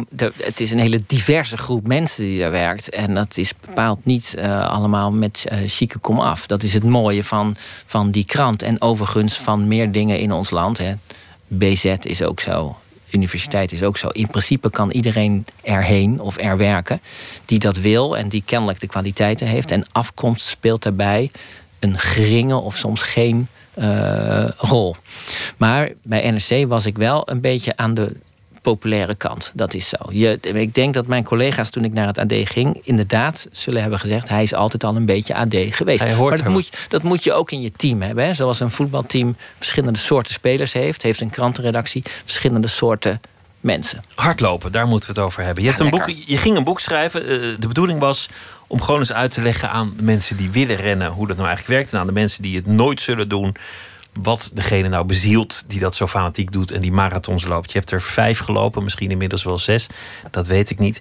Je gaat dat boek schrijven en het moet persoonlijk worden. Het moet, het moet een losse toon hebben. Het is de voorbereiding op een, op een wedstrijd in Berlijn, een weddenschap. En halverwege wordt een van je twee dochters ziek, ernstig. Een tumor in de borstkas. Je weet niet of het goedaardig of kwaadaardig is. En dat loopt dwars door die voorbereiding heen. Ja, Jij kiest ervoor om het op te schrijven. Ja, dit, ehm, dat is, schrijven is soms een middel om uh, iets te overleven. Hardlopen overigens ook. Dit boek is samengeschreven met een jonge vrouw, Nidia van Voorthuizen. ik ben de oude man, je kent het wel, die, die met, in haar ogen dan, die met uh, van die hemdjes loopt, omdat dat iets sneller is, die met uh, horloges, met tijdsaanduiding loopt, die schema's heeft en dergelijke. Valt allemaal reuze mee, maar zo ziet zij mij. Ik ben ook speciaal op een atletiekvereniging gegaan om dat te leren. En zij is een losbol, een hipster. Dat woord mag je dan weer niet gebruiken, want dat is hopeloos ouderwets. En als je dat zegt, ben je dat zelf ook. Zij is zo iemand dat als je, daar, uh, als, je, als je met haar koffie drinkt en je zegt ik wil graag zwart, dat ze je vragend aankijkt en ze zegt: Oh, je bedoelt een Americano. En wij dachten, wij gaan samen een boek schrijven over het uh, traject naar de marathon van Berlijn. Want bij marathons lopen is het traject er naartoe eigenlijk bijna nog spannender dan die marathon zelf. Hè. Dus een lange voorbereiding. En dan schrijft zij over haar manier van trainen en leven. En ik over mijn manier. En dan doen we WhatsApp-conversaties en mails aan elkaar en dergelijke. Nou, hartstikke leuk. Alleen we hadden ook afgesproken dat wat ons dan overkomt, moet ook wel in het boek. Want het is een boek over het, het echte leven. En dat, dat is in het echt ook. Hè. Als je een marathon loopt en je moet in principe werkt het zo: je moet een goede halve marathon kunnen lopen. En dan duurt het nog drie maanden intensief trainen voordat je een hele marathon loopt. Nou, als je voor die halve ook even drie maanden training neemt, dan ben je dus een half jaar bezig. In een half jaar kan er veel gebeuren. Dat moet dan ook in het boek. En toevallig was het nu zo dat er in het jaar dat wij, we hebben er een jaar over gedaan, dat wij met Berlijn bezig waren, er heel veel gebeurde. Dus Nidia kreeg een burn-out. Vraag me niet hoe dat kan als je bij de Coffee Company werkt. Wat zoals zij deed, dat mag ik niet zeggen, maar dat snap je wel, als overdrijven een beetje. En in mijn geval, uh, mijn dochter Nadia, die was toen 16, die is nu 17. Dat is, om even een voorstelling te maken, zo'n wandelende bos uh, blonde krullen. Weet je wel, zo'n ontzettend vrolijk, leuk uh, meisje, wat dan in de vierde zat. Um, uh, die had bij hockey wel eens last van haar rug. En nou ja, dan denk je dat ja, ze zit ook altijd zo krom of ze bewegen niet genoeg of wat dan ook. Maar het bleef maar zo. Dan ga je naar de huisarts. En die huisarts die zei: Ja, ik weet het niet, ik weet het niet. Probeer eens de fysio. Dan ga je naar de fysio. En de fysio probeert wat. Ja, ik weet het niet, ik weet niet. Ga eens naar de mensendiek. Dat is, die lette heel erg op je houding. En die mensendiek mevrouw die zei: ja, ik kan jouw rug wel kraken, dat is wat zij uh, doen. Maar ik wil toch even zeker weten hoe die ribbetjes staan, dat ik niet iets verkeerd doe. Dus maak even zo'n fotootje in het ziekenhuis, een röntgenfotootje. Nou, dus zij ging een fotootje maken. En toen s'avonds kregen we een telefoontje, terugkomen. Want we zien iets geks op die foto en we moeten nog een foto maken om te kijken wat het is. Hm, eerst denk je nog, hij is bewogen of zo, de foto. Als dat kan met röntgenfoto's. Maar toen bleek dat ze dus een gezwel zagen ter grootte van een mango, dus zeg maar ter grootte van een forse vuist, in haar borstholte. Ehm, en dat is heel gek. En dan zeggen die mensen eerst. Ehm, ja, het, het, ehm, het kan van alles zijn, weet je wel. Je moet ervan uitgaan dat het eh, allemaal wel eh, in orde komt en dergelijke. Maar ik zou toch even een gesprek eh, aanvragen. Ze, ze verpakken dat natuurlijk ook voorzichtig. En dan, komt die behandeling. En wat mij opvalt is dat hoe spannender het wordt, hoe fanatieker jij gaat rennen. Hoe meer de stress toeneemt. Ja. Op een zeker ogenblik is het ook op de krant waarvan alle- allerlei Ja. stress heerst en, en strijd. D- Dat, jij, dat jij rent en dat de ochtend van de operatie, die, die goed is afgelopen. Gaan het niet onnodig spannend maken. Het is allemaal goed gekomen met je Mhm. dochter. Dat, je- dat je dan juist gaat rennen. Op dat moment moet jij je afzonderen en, en gaan hollen. Ja, misschien is het wel om jezelf te straffen, denk ik wel eens. Maar ja, je moet je voorstellen. Om jezelf te straffen. Ja, nou ja, er is.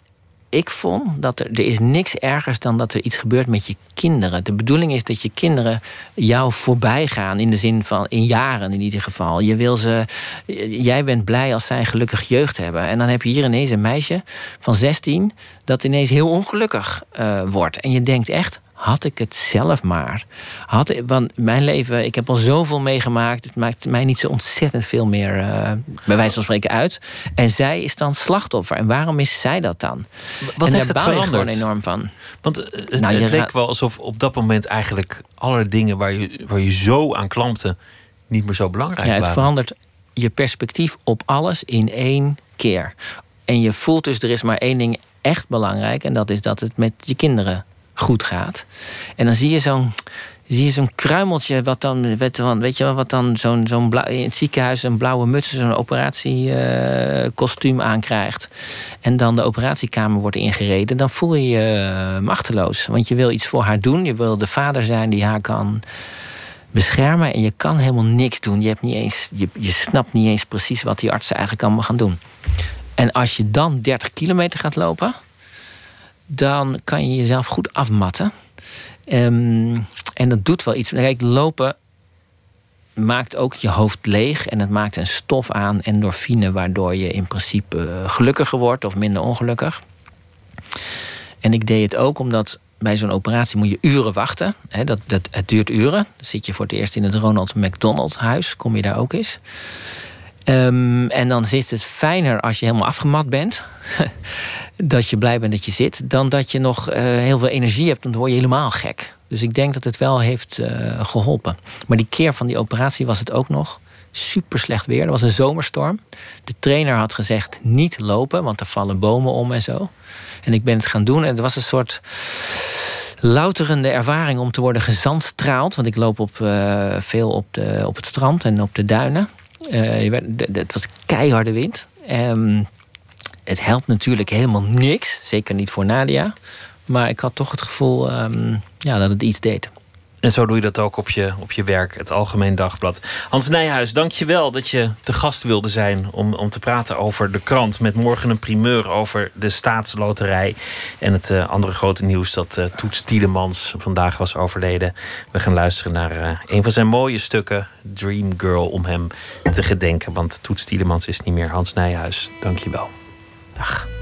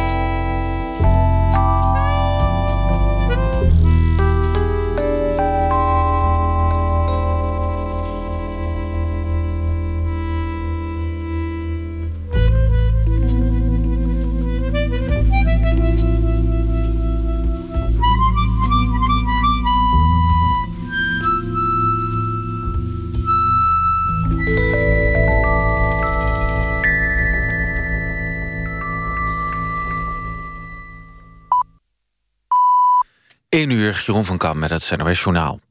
Turkije heeft zijn ambassadeur teruggetrokken uit Oostenrijk. De verhouding tussen de landen is ernstig verslechterd... na een mislukte coup in Turkije. De druppel is volgens de Turkse minister van Buitenlandse Zaken... dat Oostenrijk een demonstratie van PKK-aanhangers toestaat in Wenen. Volgens de minister verleent Oostenrijk door die toestemming steun aan terrorisme... en moet Turkije daar iets tegen doen. Ook de hoogste Oostenrijkse diplomaat in Ankara is op het matje geroepen. Aanpassingen van de Schumel-software in de auto's van Volkswagen en Audi... blijken niet bij alle modellen het gewenste effect te hebben. Uit tests blijkt dat de Audi Q5 na een update van de software... meer stikstof uitstoot dan daarvoor. Moederbedrijf Volkswagen had juist beweerd dat de update... geen negatieve gevolgen zou hebben voor het verbruik... en de prestaties van de dieselmotoren. Een Duitse consumentenorganisatie eist van de Duitse minister van Verkeer... dat alle gerepareerde auto's opnieuw getest worden door een onafhankelijke partij. Een Nederlandse jongen van acht is in Zweden om het leven gekomen bij een explosie. Er ontplofte een granaat in een appartement in Gothenburg... waar hij logeerde bij familie. De jongen is geboren in Birmingham in Engeland en woonde daar ook... maar had de Nederlandse nationaliteit. Volgens de Birmingham Mail waren zijn Nederlandse ouders in 2001 verhuisd naar Engeland. De politie in Zweden onderzoekt wat er precies is gebeurd. Huisartsenposten hebben het steeds drukker. Dat blijkt uit een jaarlijkse inventarisatie van de huisartsenposten zelf. Door de toenemende drukte zijn artsen slechter bereikbaar. Huisartsenposten nemen de taken van de gewone huisarts... in avond, nacht en in het weekend over. Volgens de huisartsen kunnen steeds minder telefoontjes... binnen twee minuten worden opgenomen. En dat is wel de norm. Het weer tot besluit vannacht blijft het op de meeste plaatsen droog. In het zuiden is het helder, in het noorden is het iets bewolkter. Het koelt af naar een graad of 15. Morgen is het vrij zonnig en wordt het 25 tot 28 graden. Woensdag en donderdag is het met 27 tot 33 graden zomers warm. Dit was het NMS Journaal. NPO Radio 1. VPRO. Nooit meer slapen.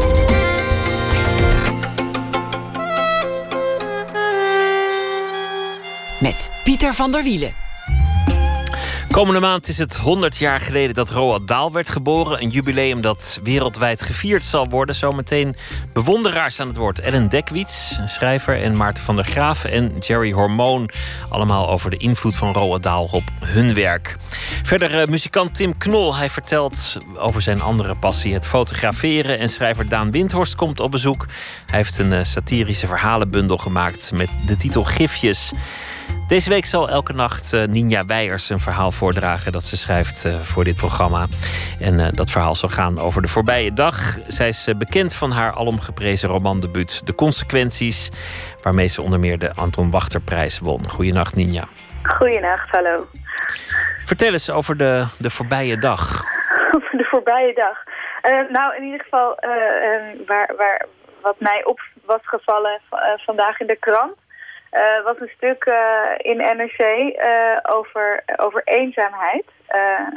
over eenzaamheid bij oudere mensen. En nou ja, dat het eigenlijk dat een aantal deskundigen zeiden, ja, er is eigenlijk niks aan te doen.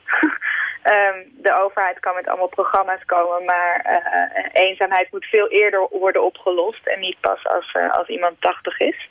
Vond ik wel interessant. En toen las ik eigenlijk vervolgens een stukje over een soort bizarre moord van een 88-jarige vrouw in Oostenrijk... die haar kamergenoot in het verzorgingstehuis had vermoord... met een fles op haar hoofd geslagen omdat die, uh, omdat die, die kamergenoot uh, te veel geluid maakte. Daar kun je je ook wel iets bij voorstellen, toch? Als je, als je dag in dag uit met iemand op één kamer moet zitten... die je zelf niet hebt uitgekozen en die maakt dan ook nog geluid. Ik weet niet wat voor geluid het was, maar dan, ja. Ja, dan is die fles dichtbij dan is die fles dichtbij. Maar je zou natuurlijk ook kunnen denken, dan is de uitweg uit de eenzaamheid wellicht ook dichtbij. Maar blijkbaar toch, toch niet helemaal. Um, de hel, dat zijn de dus- anderen. Dat zijn de anderen. Dus, um, ja, dus die twee dingen raakten in mijn hoofd met elkaar verbonden. En toen dacht ik, hoe zou het voor zo'n vrouw uh, de dagen voorafgaand aan die moord uh, hebben gevoeld, wellicht. Um, dus daar heb ik wat over geschreven. Ik ben benieuwd. Ga je gang. De kleindochter van haar kamergenoot had voorverpakte plakken cake van het tankstation meegebracht. Twee plakken, één voor haar grootmoeder en één voor haarzelf. In het keukentje scheurde ze de verpakkingen open, ongeduldig alsof de plakken cake in ademnood waren en bevrijd moesten worden. Er vielen kruimels op het aanrecht die de kleindochter haastig in de wasbak veegde. Straks zouden die kruimels zompig worden en opzwellen en vastkomen te zitten in de gaatjes van het afvoerputje. De kleindochter had zware borsten die haar schouders deden afhangen. Ze droeg die borsten verkeerd, alsof ze ze alleen maar even moest vasthouden voor iemand anders. Iedere zaterdagmiddag kwam ze aanscheuren in een lelijk rood autootje van aluminium dat onder de krassen zat. Haar grootmoeder stond al een half uur van tevoren bij het raam op de wacht. Haar vette vingers tegen het glas. De zuurstof die, nog zwaarder dan anders, die ze nog zwaarder dan anders uit haar tank zoog. De kleindochter nam altijd twee plakken cake mee, nooit drie. Maar zelfs als de kleindochter er wel aan zou denken ook een plak cake voor haar mee te nemen, dan zou ze nog vriendelijk bedanken. Zoals ze ook bedankte voor de rollator die ze haar wilde aansmeren en de infantiele spelletjesavonden in de gemeenschappelijke ruimte. De mensen namen te veel ruimte in, met hun geschuifel, hun gekreun, hun gesmak, hun krakende botten. Ze begreep niet hoe die mensen het zelf uithielden, zichzelf uithielden. Ze begreep niet waarom er mensen in Turkije door een kind kapot werden gebombardeerd op een bruiloft, terwijl al deze mensen hier iedere dag opnieuw wakker werden, de lucht opaten, vulden met stikstof en hun eeuwige gewacht op het een of andere familielid dat nooit tijd had en te veel te luid praten. Dat die mensen daar in die landen überhaupt nog durfden te trouwen of daar zin in hadden als ze ieder moment uit elkaar konden spatten. Ze begreep niet meer wie precies wie bombardeerde, wie wie hielp wiens land in te pikken, wie een dader was en wie een slachtoffer. Haar kamergenoot en de kleindochter werkten luid smakkend de droge plakken cake naar binnen. Het geluid zwelde aan, hun monden leken zich eindeloos te vermenigvuldigen. Ze bevond zich in een zee van gesmak en ze dacht alsjeblieft, laat me verdrinken. Het verhaal dat vooraf ging aan een klein klant, krantenbericht. Iemand die met een fles de kamergenoot in het bejaardentehuis tot moes sloeg. Waarbij die fles natuurlijk eerst geleegd is. Dat helpt natuurlijk ook hè, om tot zo'n daad te komen. Ja, wellicht, ja. Of misschien was het een volle fles, maar ik, ik ga er bijna blind van uit dat die fles leeg was. Ja, ja ik denk het ook. Ja. Goh, ja, mooi bericht. Dankjewel voor het eerste verhaal van deze week. Morgen weer. Ninja okay, Weijers. Goeienacht. Tot morgen. Dag. Een tweede album is verschenen van de Oegandese-Britse zanger Michael Kiwanuka. De titel van het album is Love and Hate. En het uh, mooiste nummer volgens Lotje IJzermans die erover gaat is I'll Never Love.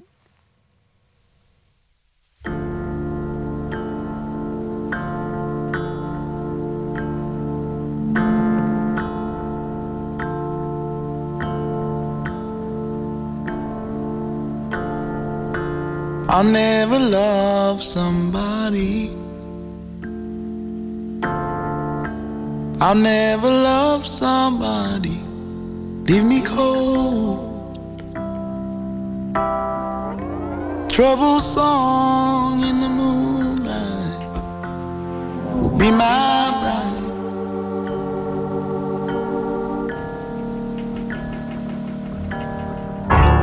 I'll never need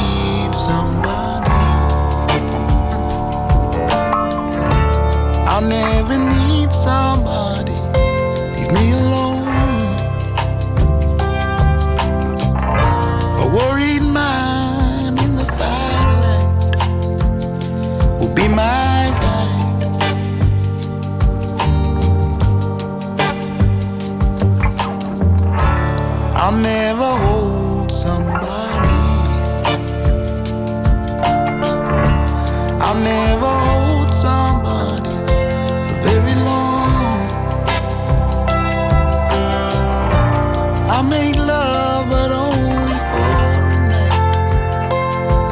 gone.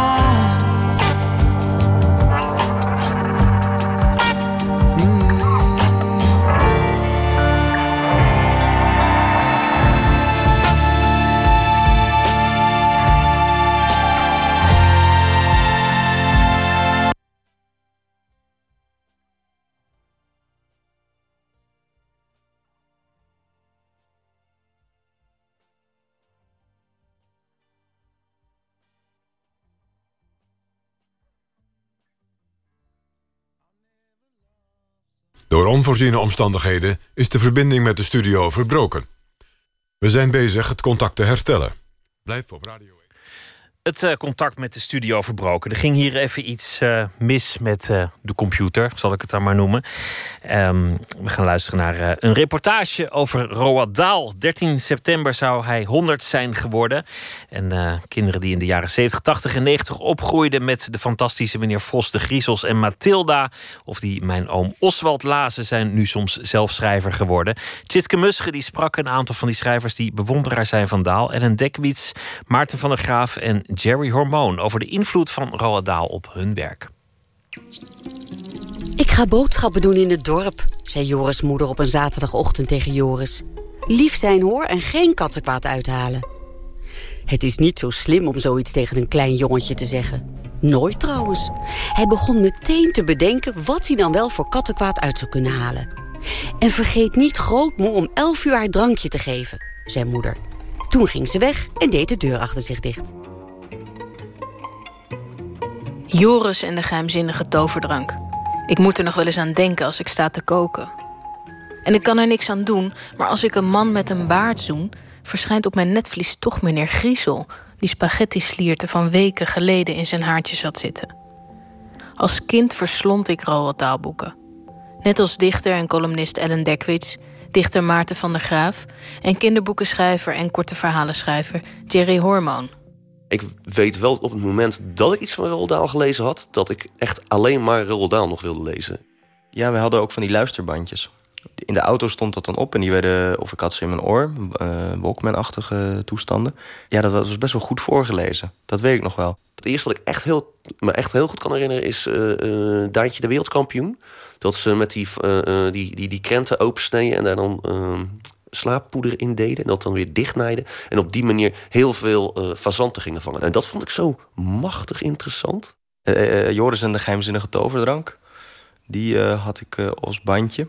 En dat, dat was is een heel gruwelijk verhaal van een oma die vermoord wordt. En dat, ja, dat werd dan als het ware bijna je oren ingelispeld. Zo weet ik dan ook. achter op de bank van de auto. Ja, dus dat, dat was het begin. Ik denk dat ik voor het eerst iets voorgelezen kreeg van Roald Dahl. Dat zal in groep 4 zijn geweest. Onze docent las de heksen voor. En omdat wij op een hele christelijke school zaten... waarbij onze docent voor groep 4 eigenlijk de enige rebel was... was het ook heel spannend. Want ze hield telkens even op met praten... wanneer de hoofdleraar, een nogal geloofswaanzinnige baptist... langs de ruitjes liep. En um, ik denk dat ik vanaf dat moment dacht van... oh, dit is geweldig, dit is spannend... en dit is niet helemaal voor kinderoortjes bedoeld. Dus als kind word je dan helemaal fanatiek. Van alle Roald Dahl-boeken is Mathilda misschien wel het meest geliefd. Of misschien vooral onder mensen die als kind veel lazen. Mathilda heb ik heel vaak bij me meegenomen, zodat je weet dat het niet raar is als je veel leest als kind natuurlijk. Hè? Dat is een soort goed voorbeeld. Ik identificeerde me wel heel sterk met Mathilda. Uh, ze, kon, uh, ze kon van alles natuurlijk, maar het werd niet erkend door haar ouders. Niet dat het bij mij zo was hoor, maar het is meer... Ja, je omgeving ziet natuurlijk niet alles wat er in je omgaat als je een kind bent. En daar spreekt dat boek uh, heel erg. Uh, ja, daar richt dat boek zich eigenlijk op, volgens mij. Het idee van, ja, maar zij weten niet dat als ik me hard genoeg concentreer, dat ik dan uh, iets uit elkaar kan laten ploffen of weet ik veel. En, en de, het halve klaslokaal kan optillen met alleen wilskracht. En daar zit, dat, daar zit natuurlijk een soort van. Nou ja, daar zit ook iets heel aantrekkelijks voor, voor veel kinderen in, denk ik. Dat, uh, dat je ook uh, andere dingen mag doen dan er van je verwacht worden. Van Mathilde wordt natuurlijk verwacht dat ze, een, dat ze op haar uiterlijk let en zo. En dat ze mooi meedraait in het, wat er van haar verwacht wordt, in, ook, ook, als jong meisje. Maar dat doet ze dan niet, want ze houdt van boeken en ze houdt van literatuur. En het, een stukje daaruit heb ik, daar heb ik ooit nog de voorleeswedstrijd mee gewonnen. in 1999. Ik was de eerste jongen die de nationale voorleeswedstrijd won, ooit. Volgens mij had hij ook zijn regel voor zichzelf dat er op iedere pagina minstens twee grappen moesten staan. Uh, en die grappen zijn ook meestal nog wel zo dat je daar als volwassene ook om kan lachen. En het was gewoon grappig en, en hard, een beetje. Er zaten vieze woorden in en schelden. En het was niet heel bekoorlijk allemaal. En stichtelijk. Zijn ontzettende gruwelijkheid en zijn sadisme. Wat ik heerlijk vind. Dat, en, en zonder dat dat volgens mij tegenwoordig bijna niet meer in kinderboeken uh, zit. Er zaten altijd wat, wat rare randjes aan. Het was altijd een beetje vreed. Het was Het was hard. Je merkte de wereld is eigenlijk wel een duistere plek. En het zit ook in, uh, in zogenaamde onschuldige kinderen zelf. Uh, die, die zijn ook heel narcistisch en die zijn ook uh, naar. En, en die, dat, dat, sprak me heel erg aan. Die had voor dezelfde leeftijd op ongeveer... had je nou ook allemaal van die dingen van, van Carrie Slees... dat blauwe plekjes van haar en zo. Allemaal van die probleemboeken. Daar werd ik als kind helemaal niet goed van. Dat vond ik hele zagrijnig. Uh, vond ik heel zagrijnig. Uh, ja, en, en heel veel andere kinderboeken die dan toch nog net iets te truttig waren of zo. En je kan van Roald Dahl, kan je nergens, kan je hem op truttigheid of saaiheid uh, uh, betrappen. De boeken beginnen eigenlijk vrij normaal. Je hebt een kindje dat opgroeit of zijn ouders komen om. Maar goed, uh, ouders zijn sterfelijk. Dat is nog redelijk normaal voordat hij met de reuzen en de heksen aankomt zetten. En uh, dan wordt het gekker en gekker. En op een gegeven moment krijg je daardoor ook een soort voorliefde voor die, dat, die Britse vorm van absurdisme. En um, hij heeft op een gegeven moment bepaalde grappen en bepaalde tragischheden erin zitten. Zoals dat de GVR is een bewust vegetarische reus. Het enige wat hij kan eten zijn snorskommers. Dat zijn van naar die snotsmakende komkommers. Dat is echt gewoon walgelijk. En uh, hoe kom je daarop? Hoe bedenk je zo'n tragisch gegeven? Het gekke is dat schrijvers in interviews regelmatig namen van inspiratiebronnen laten vallen. Tsjechov, Willem Elschot, Céline, wie dan ook. Maar niemand noemt ooit Roald Dahl. Terwijl hij wel van invloed moet zijn geweest op jonge schrijvers van nu. Ja, ik denk sowieso dat alles wat je uh, uh, leest, en zeker op zo'n jonge leeftijd, dat gaat echt uitmaken, uh, onderdeel uitmaken van je creatieve DNA. God, ik, dat het zeg. Nee, maar dat, dat is natuurlijk bepalend voor wat je later doet. En ik denk dat die, uh, die vreedheid en dat niets ontziende wat hij als schrijver naar kinderen toe heeft, dat, dat, dat zit bij mij ook zeker in. En de, de, de schaamteloze wil om de lezer te entertainen. Want dat doet hij als voor, voor volwassenen doet hij dat, voor kinderen doet hij dat. Kijk, voor kinderen is normaal dat je ze entertaint, want anders komen ze dat boek niet door. Maar voor volwassenen is het toch heel vaak dat het gaat over hele diepe uh, ja, uh, emoties en, en, en, en hersenspinsels. En oh god, wat een ellende allemaal. En dan vergeet de schrijver een beetje om de lezer. Ehm, dat, dat er ook nog een lezer is die dat moet lezen en dat ook gewoon erdoor moet. Dus ehm, ik denk dat, dat, dat lezen ook een vorm van entertainment is. Dat heb ik ook denk ik wel van hem nou, die, die verhalen die voor volwassenen, dus die ben ik toen gaan lezen toen ik tiener was. En dat heb ik nog wel eens herlezen. Gewoon omdat het lekker wegleest. En dat je, als je zeg maar dat boek ergens staat of zo, of je bent weer thuis, dan heb ik het nog wel eens opgepakt. En wat me daaraan aan trok, dat weet ik ook nog wel, is dat, dat je het, de bekende plotwendingen uh, uh, van, van Daal die je niet ziet aankomen. Gewoon in de laatste zin ook soms zo van bam. Je dan denkt, Oh ja. Oh, wacht even. Echt, echte verrassingen. Dat, volgens mij was dat. Vond ik dat toen ik tiener was aantrekkelijk. Dat ik dacht, hoe doet hij het? Toen dacht ik al wel een beetje over de techniek na. Ik weet nog wel dat ik ook op een gegeven moment, toen ik net verhalen begon te schrijven, keek in die boeken van hoe schrijf je nou een dialoog? Zeg maar, hoe, hoe doe je dat? Want dat kan niet best goed. Hoe doe je dat nou met waar plaats je de aanhalingstekens bijvoorbeeld? Weet je wel? Of hoe gaat dat nou? En hoe werkt het wit op een pagina? Dat, ik had echt geen idee. Want ik, ik zat ook een beetje af te kijken zo, hoe je het deed. Je hebt soms, um, als je ook met gedichten uh, of ook met columns, als je iets leest van een ander dat echt over de schreef gaat, in het geval van Dahl, uh, ontzettend kindonvriendelijk. Hè? Die heksen uit de heksen. Die zijn echt aan het gillen hoe afschuwelijk kinderen zijn. En dat je denkt van, oh wauw, dit mag dus ook. In mijn eerste bundel zitten bijvoorbeeld bomen die kinderen eten. En daarom het liefste aan de rand van de begraafplaats groeien. Want daar heb je de beste verse lijkjes.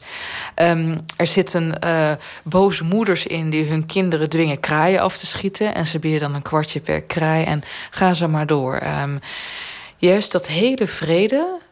Want, want, eigenlijk, ik schrijf ook verhalen voor kinderen, voor mijn neefjes en nichtjes. En soms denk je van, nou, kan ik dit zeggen? Weet je, gaat het niet echt heel erg ver? Dat je, nou, als Roald Daal heeft gedaan, ik vond het fantastisch, dan mag het nu nog steeds. En ik ben momenteel bezig met een verhalenreeks over een jongetje voor mijn neefjes en nichtjes, wiens beste vriendje een wandelende tombe is. En ja, dat is gewoon totaal van Roald afkomstig. Anders was zijn beste vriendje wandelende bezem geweest. Ook interessant, maar veel minder spannend als ik uh, uh, schrijf, en uh, zeker bij voor volwassenen, en dan met name die verhalen. Ik ben nu een roman aan het schrijven, dus dan denk ik wat minder aan hem. Want hij heeft niet echt romans geschreven natuurlijk. Ja, mijn Uncle Oswald, maar dat is eigenlijk is dat natuurlijk ook gewoon meer vier vieze verhalen achter elkaar. Ehm, heb ik wel heel vaak eh, eh, gedacht, als ik dan even niet wist van wat zou Roald Dahl nu doen. Het is toch altijd. eh, ik heb zelf ook wel een beetje de hang naar het vieze en het, en het absurdistische. En eh, nee, ik heb daar vaak. Ja, ja, ik heb toen vaak aan Roald Dahl gedacht. Ik denk dat het voordragen gewoon heel erg heeft. Is, dat is me bijgebleven. Ook omdat ik daar natuurlijk een soort van succes mee had. En ik, toen dacht ik, oh ja, ik kan wel goed voorlezen. En mensen vinden allemaal dat ik dat kan en zo. En dat, dat was stiekem toch wel heel belangrijk voor me. Ook al was ik, zat ik in groep 7. Dus weet je, dat heeft wel dingen gedaan. Want ik, toen hebben mensen ook wel eens een, me zo'n boekje gegeven, weet je wel. Gezegd, ga maar door met schrijven. Misschien vind je het zelf ook wel leuk om dingen te bedenken. Ja, nu, en ik draag het nog steeds heel graag voor. Ik vind het voorlezen van gedichten echt heel interessant en, en mooi om te doen. Dus dat is altijd wel gebleven. Dus dat is voor mij verbonden aan Roald Dahl.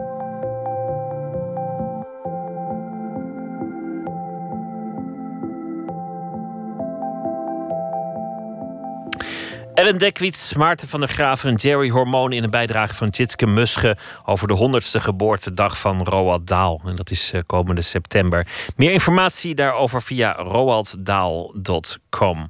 Het echtpaar eh, Brett en Rennie Sparks vormen samen de Handsome Family, een band die u zou kunnen kennen als u heeft gekeken naar het eerste seizoen van de serie True Detective.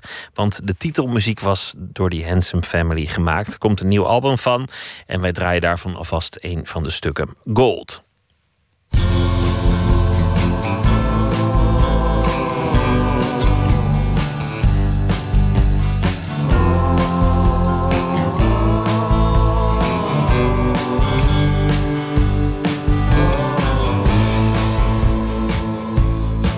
Got a tattoo of a snake and a ski mask on my face.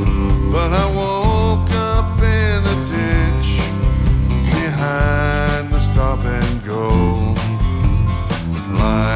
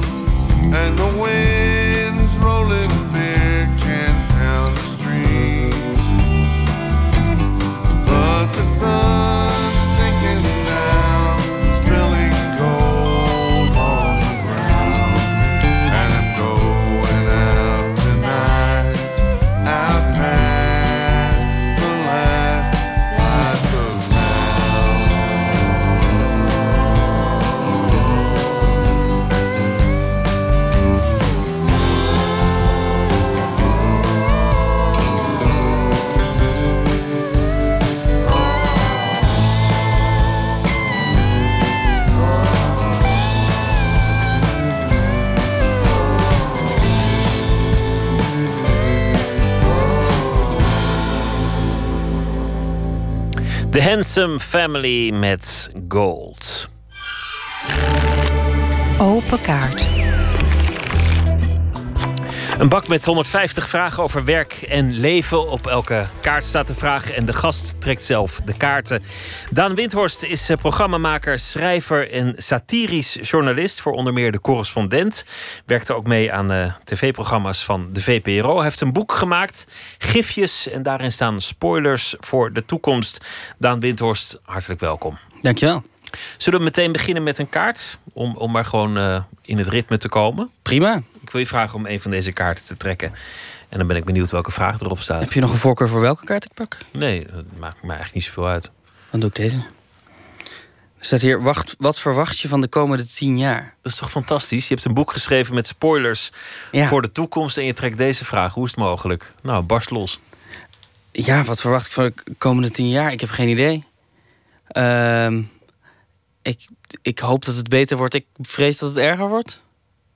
Je trekt in je boek een aantal lijnen door. Ja. Waaruit blijkt dat het erger wordt.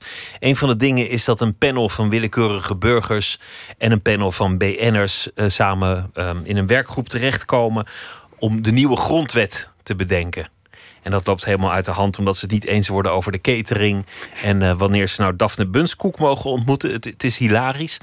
Wat het mede zo hilarisch maakt, is dat, dat je ergens toch een soort herkenning hebt van ja, het hoeft maar weinig erger te worden. Of de toon, dit soort taal zou zomaar kunnen uitkomen.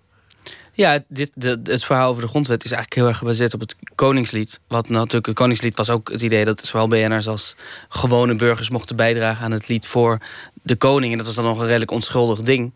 Ehm, maar inderdaad, ik, ik zie het wel gebeuren. Dat het, eh, dat, dat, dat, dat, eh, dat het, het crowdsourcen van dingen die helemaal niet bij, het, eh, bij een publiek zouden moeten liggen, dat dat, dat dat bij het publiek terechtkomt. Het is ver gezocht en tegelijk ook niet. Want, want in 1980, toen Beatrix aantrad, was er gewoon een, een comité van, van wijze mannen en vrouwen die beslisten naar welk stuk eh, klassieke muziek er in de kerk geluisterd werd. Of het volk dat nou wilde of niet.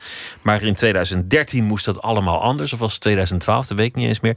En, en, en dan moest het eh, door het volk geschreven worden. Iedereen Ja. mocht een zinnetje bijdragen. En eh, de, de uitkomst is bekend. Het enige wat je hebt veranderd is de- dat je er de grondwet van hebt gemaakt. Precies. Maar ja. Ook dat is niet zo ver gezocht, want tegenwoordig is inspraak en referendum eh, overal het stopwoord. Ik geloof wel dat de grondwet nog redelijk goed beschermd is. eh, eh, wettelijk gezien om, eh, om aan te passen. Maar nee, maar het is zo. Dat, dat is, en het is ook steeds vaker. Nou ja, ik weet niet of dat vaker is trouwens. Maar het is politiek natuurlijk wel zo dat het ook wel belangrijk is dat het lijkt alsof mensen mee mogen praten. Meer dan dat ze daadwerkelijk mee mogen praten. Want je wil natuurlijk niet per se dat mensen meepraten. Maar het is al heel belangrijk eh, dat, dat, dat die schijn wordt opgehouden. Waardoor je dus ook. Nou ja, waardoor het opeens je beleid, je beleidsvorming marketing wordt. Het is satire natuurlijk. Er zijn meer verhalen die je hebt geschreven. Gebaseerd op iets dat aan de hand is dat uitvergroot en, en net een beetje verplaatst. En zo krijg je die inkijkjes in de toekomst. De vraag was, wat verwacht je van de komende tien jaar? Als het gaat over je persoonlijk leven, heb, heb je daar dan een soort beeld van de komende tien jaar? Ehm, en eigenlijk hoop ik van harte dat het precies zo- doorgaat als, nu, als het nu gaat. Voor de komende tien jaar. Ehm, ik, merk dat ik gewoon de hele tijd in, een, in weer een nieuw project eh, redelijk, of, eh, redelijk ongepland. eh, zelf met een idee komen of dat iemand me een idee voorschot. Dit gaat dan even over werk, maar ehm, eh, waardoor ik de hele tijd weer in iets nieuws terechtkom en tegelijkertijd de hele tijd hetzelfde aan het doen ben, namelijk in redelijk korte tijd weer iets aan het maken, iets aan het schrijven, iets aan het ergens op een podium staan, iets aan te doen. Dat wil ik heel graag dat het doorgaat. En op dit moment op mijn ja, ik, ik woon samen met iemand waar ik heel veel van hou en dat gaat heel goed. En ik hoop dat dat ook gewoon zo doorgaat. Dat is een heel saai antwoord, maar ik en of ik verwacht dat het zo doorgaat, want er staat natuurlijk wat verwacht je van de komende tien jaar. Dat weet ik eigenlijk niet. Maar ik hoop wel dat het zo is. Dat is een teken dat je gelukkig bent. Trek nog een kaart als je wil. Ja. Wat is een persoonlijke daad van rebellie geweest? Och jee. Ik ben helemaal niet eh, van de rebellie. Ik ben een heel braaf iemand. Maar is satire niet ook een vorm van rebellie? Bijna per definitie? Eh, ja, misschien wel. Nou, dan, dan is mijn laatste persoonlijke daad van rebellie het laatste stuk dat ik heb geschreven. Nee, ehm, ja, ik denk wel dat het een vorm van rebellie is. Maar ehm, maar wel een heel veilige. Ik bedoel, in Nederland is het niet echt zo dat het, eh, dat het ene, dat, dat het het wordt van je, van je verwacht dat, je satire, dat er satire is en dat, er men, dat mensen kritisch op je mogen zijn. Dus het is wel redelijk veilig. Er is niemand meer verrast door een stuk satire. Uh, Hoewel om de haverklap mensen beledigd zijn, uh, geschoffeerd of vinden dat dit echt niet kan. Eh, Vaak blijkt die lijn van wanneer satire grappig is en wanneer niet toch flinterdun. Ja, en dan maakt het eigenlijk niet eens uit of het grappig is of niet, voor, of het satire is of niet. Nee, het is, het is heel dun. Um, maar ik denk wel dat we in. Kijk, we hebben niet. Nou ja, officieel is het verboden om bijvoorbeeld het Koningshuis te beledigen in Nederland. Uh, en dat heb ik wel nog niet zo heel lang geleden gedaan. Uh, dus dat is denk ik mijn laatste persoonlijke daad van rebellie. Um, maar het is wel, het is, het is denk ik echt wel anders hier dan in bijna overal op de wereld. Waarbij het echt daadwerkelijk heftige consequenties kan hebben wat je schrijft. En hier is het vaak toch gewoon wel zo dat iemand even boos is op Twitter. En dan na drie dagen is dat weer voorbij. Hangt een beetje van het onderwerp af. Uh, leert de recente geschiedenis. Maar wat was jouw belediging van het Koningshuis? Ben, ben ik gewoon nieuwsgierig hoor.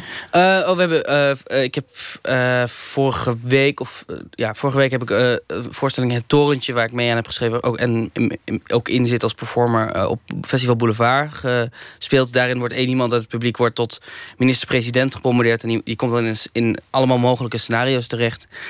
Um, en een daarvan in een van die scenario's blijkt dat de minister van Wonen een affaire heeft gehad met, met koningin Maxima. En wordt ook de koning als een nogal jaloerse man neergezet... die in een van de mogelijke scenario's, afhankelijk van de keuzes van de minister-president... ook een, een, een staatsgreep pleegt. Het is vaak gewoon heel goed doordenken op, op een wat-als-vraag. Wat als dit nou zo zou zijn, wat zou daaruit volgen? En dan weer gewoon ja. de weg van de logica aanhouden. Zo lijkt het. Hoe, hoe word je eigenlijk satiricus? Hoe is dat jouw vak geworden? Um, ik ben eigenlijk ik ben opgeleid tot toneelschrijver. Uh, ik ben, ben, eigenlijk toneelschrijver, dat betekent helemaal niks. Maar ik ben opgeleid als toneelschrijver. Uh, en toen ben ik bij de uh, Orde van de Dag begonnen.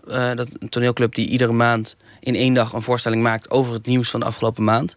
En dat, is niet, dat hoeft niet per se satirisch te zijn, maar het gaat wel over het nieuws.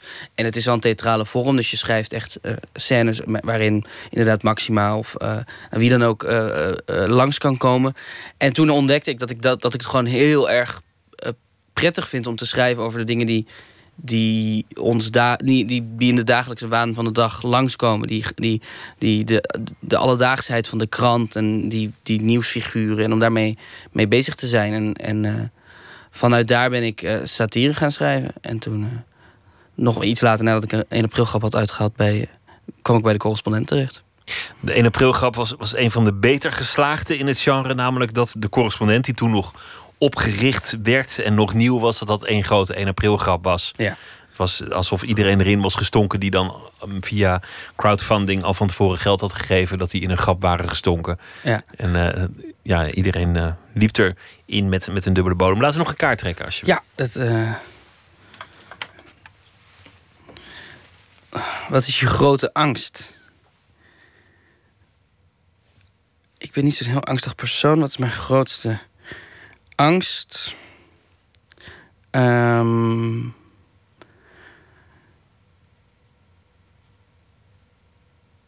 Oeh. Ik weet het niet. Mijn grote angst is. Doodgaan, door de mand vallen. Doodgaan. Doodgaan is een, een, ja, doodgaan is een abstracte angst. Ik ben wel veel bezig met de dood, maar ik denk niet dat het de grote angst is. Ik denk, ik denk wel alleen zijn. Ik denk dat dat de grote angst is. Alleen gelaten worden. Alleen gelaten worden of uh, door iedereen uh, langzaam maar zeker achterkomen dat iedereen om je heen steeds onverschilliger over je wordt en je maar een beetje aan je lot overlaat. En ze eigenlijk geen zin meer hebben om tijd aan je te, met je te besteden. En, en dan op een gegeven moment wakker worden en achterkomen dat je helemaal niemand hebt die nog met je wil praten of naar je wil luisteren of, of wat dan ook. Ik denk dat dat de grote angst is. Maar dan ben je ook wel chantabel in je sociale contacten als je daar bang voor bent. ik, ja, ja, en ik denk ook dat een een deel van het uh, performen voortkomt uit mensen het, het, naar, het zin, naar hun zin willen maken. Leuk gevonden willen worden. Leuk gevonden willen worden, of in ieder geval hopen dat, dat, ze bij je blijven. Dat, ja, dat, je ze, dat je ze geeft wat ze willen, waardoor, je, waardoor, ze, waardoor ze bij je willen blijven. Ik denk dat dat wel. En inmiddels sta ik niet meer om die reden op een podium. Maar ik denk wel dat het daar vandaan komt. Ja. Wil je nog een kaart trekken? Ja. Wie was de eerste dode die je gezien hebt? Ehm, ik weet niet of ik, ik... Volgens mij heb ik nog nooit een dode gezien. Nooit, nooit één dode gezien? Volgens mij heb ik nog nooit één dode gezien. Ja, ik heb een keer iemand op de weg zien liggen onder een wit laken. Maar ja, dat, dat zag ik niet, want er lag een wit laken overheen. Nou, dat is dan wa- waarschijnlijk wel een dode. Dat, dat, dat denk ik. Dat, meestal is dat het moment dat ze er een laak overheen leggen. Eh, dat, was op, maar dat was op weg naar de middelbare school toen ik aan, op de fiets zat. Maar volgens mij is dat eh, het enige. Ik ben wel. Ik ben, ik, het aantal uitvaarten in mijn leven is tot nu toe beperkt gebleven, gelukkig. Maar ehm, dat was ook nooit met een open kist. Dus eh, ik, ja, ik weet dat. eh, Nou. een, eh, ja. De volgende dan maar. Welke rotstreek heb je geleverd om je werk voor elkaar te krijgen? Ehm, nou, ik denk voornamelijk is die 1 april grap is wel de rotstreek die ik heb geleverd. Hoewel uiteindelijk de correspondent daar heel blij Iedereen mee kon bleek erop lachen uiteindelijk. Uiteindelijk, ja, ja. De correspondent heeft er geloof ik meer... eh, er hebben een aantal mensen hun abonnement op de correspondent toen opgezegd. Van, omdat ze de grap geloofden. Maar uiteindelijk hebben meer mensen door de publiciteit die het kreeg... een- hun abonnement genomen op de correspondent. En ze hebben mij aangenomen als satireschrijver. Wat ik heel sympathiek vond van ze. En sportief. Ja, heel sportief. Ja, eh, dus dat is... eh, maar dat is wel rotstreek. ehm, Heb je mensen moeten schofferen als satiricus? Dat je dacht, dit is zo'n leuke grap en, en ik weet dat ik iemand kwets, maar ik doe het gewoon. Nou, ik schrijf heel vaak niet. Ik schrijf heel vaak over mensen waarvan ik niet zeker weet of ze. Of ze waarvan ik er niet van uitga dat ze lezen wat ik schrijf. Eh, dus ik schoffeer regelmatig mensen. Ik denk. Ik probeer ze altijd wel te schofferen in hun. eh, hun vanwege hun functie. Dus eh, machtige mensen zijn leuker om grappen over te maken dan niet machtige mensen. Maar goed, ja, tuurlijk, tuurlijk je pest mensen eigenlijk als, als satireschrijver. Er zit best in mijn boek best een vreemd verhaal over Paul de Leeuw, waarin ik een, een televisieprogramma wat door Paul de Leeuw gepresenteerd wordt, een soort van enorm uitvergroten, wat een heel grotesk ding wordt. Dat gaat voor mij niet per se over Paul de Leeuw, maar hij, hij, het is wel Paul de Leeuw in het verhaal. En, eh, hij roept de hele tijd dat hij Paul de Leeuw is. En het programma gaat ook over Paul de Leeuw. Dus zo, ja, je schoffeert wel eens mensen, maar ik. Ehm, Maar echt gemeen vond ik dat niet. Nee, nou, nee, dat kan ik me ook niet. Dat, maar goed, ja, je weet het nooit of iemand eh, zelfspot heeft. Of van, ik heb niet zo de behoefte om gemeen te zijn. Of om gemene grappen te maken. Ik, ik vind het lastig om een grap te maken over eh, uiterlijk van mensen of zo. Dat vind ik ook niet zo heel interessant. Dus ik, misschien ben ik wel te beleefd ook daarin. Maar ehm, ja, het is. eh, t- goede satire hoeft niemand te schofferen. Goede satire hoeft niemand te schofferen, denk ik. Dat is toch een mooie uitspraak. Wil je nog een kaart trekken? Zeker. Wie zou je willen zijn? Ehm, om, wie zou ik willen zijn? Ik wil, nou ja, al mijn voorbeelden wil ik natuurlijk zijn. Dus, dus Charlie Brooker, wat een satire, eh, een Britse satiricus is, zou ik graag willen zijn. Eh, Jon Stewart zou ik graag willen zijn van de Daily Show. Eh, mm, Even kijken of er. Oh, ehm, de. eh, Dennis Kelly, de Britse toneelschrijver, die ook een fantastische televisieserie Utopia heeft geschreven. Een heel enge, nare thrillerserie, maar die tegelijkertijd ook de schrijver is van Matilda the Musical, gebaseerd op het, boek van Roald Dahl. Een van de mooiste dingen die ik ooit heb gezien. Die zou ik willen zijn. Goh, heel, ja, dat is ook een saaie antwoorden, maar goede mensen. Goeie, heel Ja, goede ja, gewoon mensen ja. die je bewondert. Ja. Maar daarin zit eigenlijk ook dat je iemand anders zou willen zijn. Ja, maar de- die aanname heb ik een beetje uh, van het kaartje van de vraag. Overgenomen. maar is, dat, is dat aan de hand dat je wel eens iemand anders zou willen zijn? Of, of, of ben je uiteindelijk, denk je ook van, nou ja, dit is toch wie ik het liefst zou willen zijn van alle Ehm, mensen op aarde? Nou, ik, wel, ik heb wel. Ik heb enorm veel geluk. Ik mag enorm veel toffe dingen doen op dit moment. En ik ben ook echt, echt heel blij met, met de, het werk wat ik doe en met, met waar ik nu ben. Ik kijk wel, ja, waar ik voornamelijk jaloers naar ben, zijn mensen waarvan ik hun werk lees. En dan denk ik, zo goed kan ik nooit worden. Dus dat is het enige. ehm, dat is ook het enige waar ik streef naar het ultieme. Maar, ik hoef, ik hoef niet het, in het grootste huis te leven. Ik hoef niet het meeste geld te hebben. Ik hoef niet, maar het liefst zou ik wat allerbest willen zijn. In schrijven, in satire, in theater schrijven. Eh, dus dat is denk ik waarom. Dus alleen op dat gebied zou ik misschien wel iemand anders willen zijn. De rest is. ehm, de rest zit wel goed, zit wel, goed, zit wel prima. De rest zit wel, wel goed. Gifjes is de titel van het werk. En de gifjes, dat slaat op zo'n plaatje dat zich steeds herhaalt. Zo'n loopje. Je denkt dat je een mooi filmpje kijkt, maar dan ineens heb je door na een minuut dat je, dat je naar een, een loop zit te kijken. En in het verhaal ja, is dat eigenlijk een soort beeldspraak voor, voor het hele bestaan. Ja. Dat, je, dat je leven een soort gifje is. En dat is, mooi, mooi gevonden en mooi beschreven. Dankjewel, Daan Windhorst. Dankjewel. Wie Netflix heeft, kan kijken naar een nieuwe serie, The Get Down, van een Australische regisseur Bas Luhrmann. Een serie over het begin van de hip-hop en de rapmuziek. En daar hoort natuurlijk ook soundtrack eh, bij. Een van de nummers die daarop te vinden is, is Ball of Confusion. Maar dan niet de versie die bekend werd van The Temptations, maar een eigen tijdse uitvoering van de soulzanger Leon Bridges.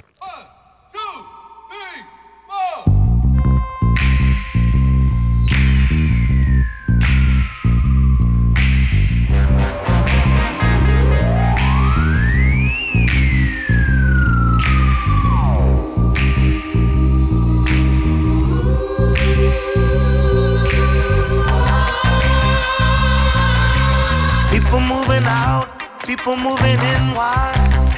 Because the color of the skin. Run, run, run. But you're soaking high. An eye for an eye, tooth for a tooth. Vote for me, and I'll set you free. Rebel.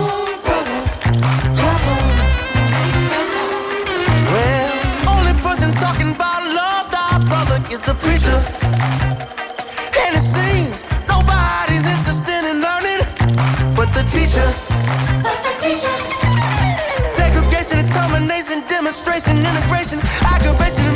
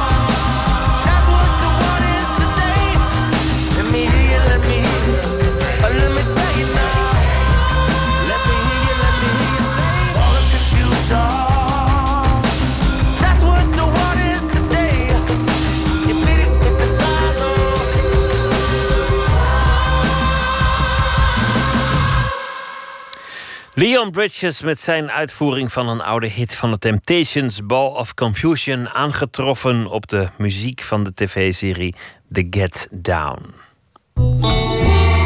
Nooit meer slapen.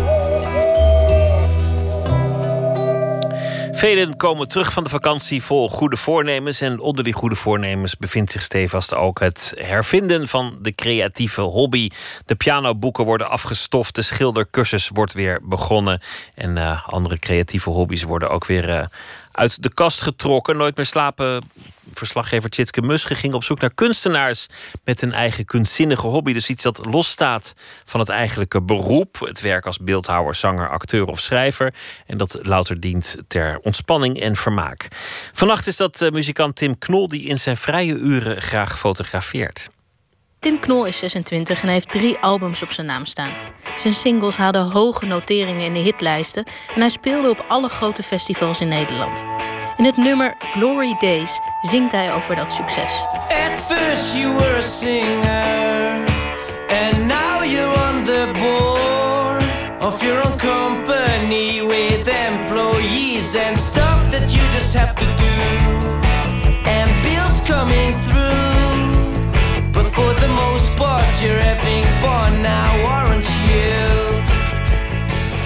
Tim Knols hobby, muziek maken, was zijn beroep geworden. En toen moest ik wel een hobby daarnaast zoeken voor mezelf, om wat rust te vinden weer. En ik had een fotocamera gekregen van mijn schoonvader. En die nam ik altijd mee naar shows en uh, begon de bandleden een beetje te fotograferen. En daar ontstond eigenlijk een nieuwe hobby slash verslaving. En waarom was het zo belangrijk om een hobby te hebben? Uh, ik weet het niet. Dat, dat is gewoon iets wat ik toch altijd wel zoek om mijn vrije tijd te doden. Ik kan moeilijk niks doen. Dus als ik echt helemaal niks doe, dan verzin ik wel weer wat om te doen. En, uh, dus ik, speel, ik weet niet wat het is. Ik moet een hobby hebben voor mijn gevoel. Om gewoon tot rust te komen. Bijvoorbeeld nu heb ik dan een drukke periode in de zin van een nieuwe plaat maken. En dan ben ik alleen maar daarmee bezig in mijn hoofd. Als je dan vier dagen in de week in de studio zit, is het ook wel, heb je ook wel even genoeg muziek gemaakt. En dan is het ook wel lekker om even thuis niks te doen. Maar ik vind het ook wel lekker om dan even bijvoorbeeld de camera te pakken en op uit te gaan. Sindsdien zijn hij en zijn Leica M6 onafscheidelijk. Ja, het is, het is gewoon een, het is een droom van een camera. Ik vind, ik vind hem ook heel sexy. Ik weet niet of jij erover denkt. Eerst maakte Tim Knol vooral portretten. Maar de laatste tijd is hij meer geïnteresseerd in straatfotografie. In Nederland vind ik dat wat moeilijker. Ik doe het liever in het buitenland.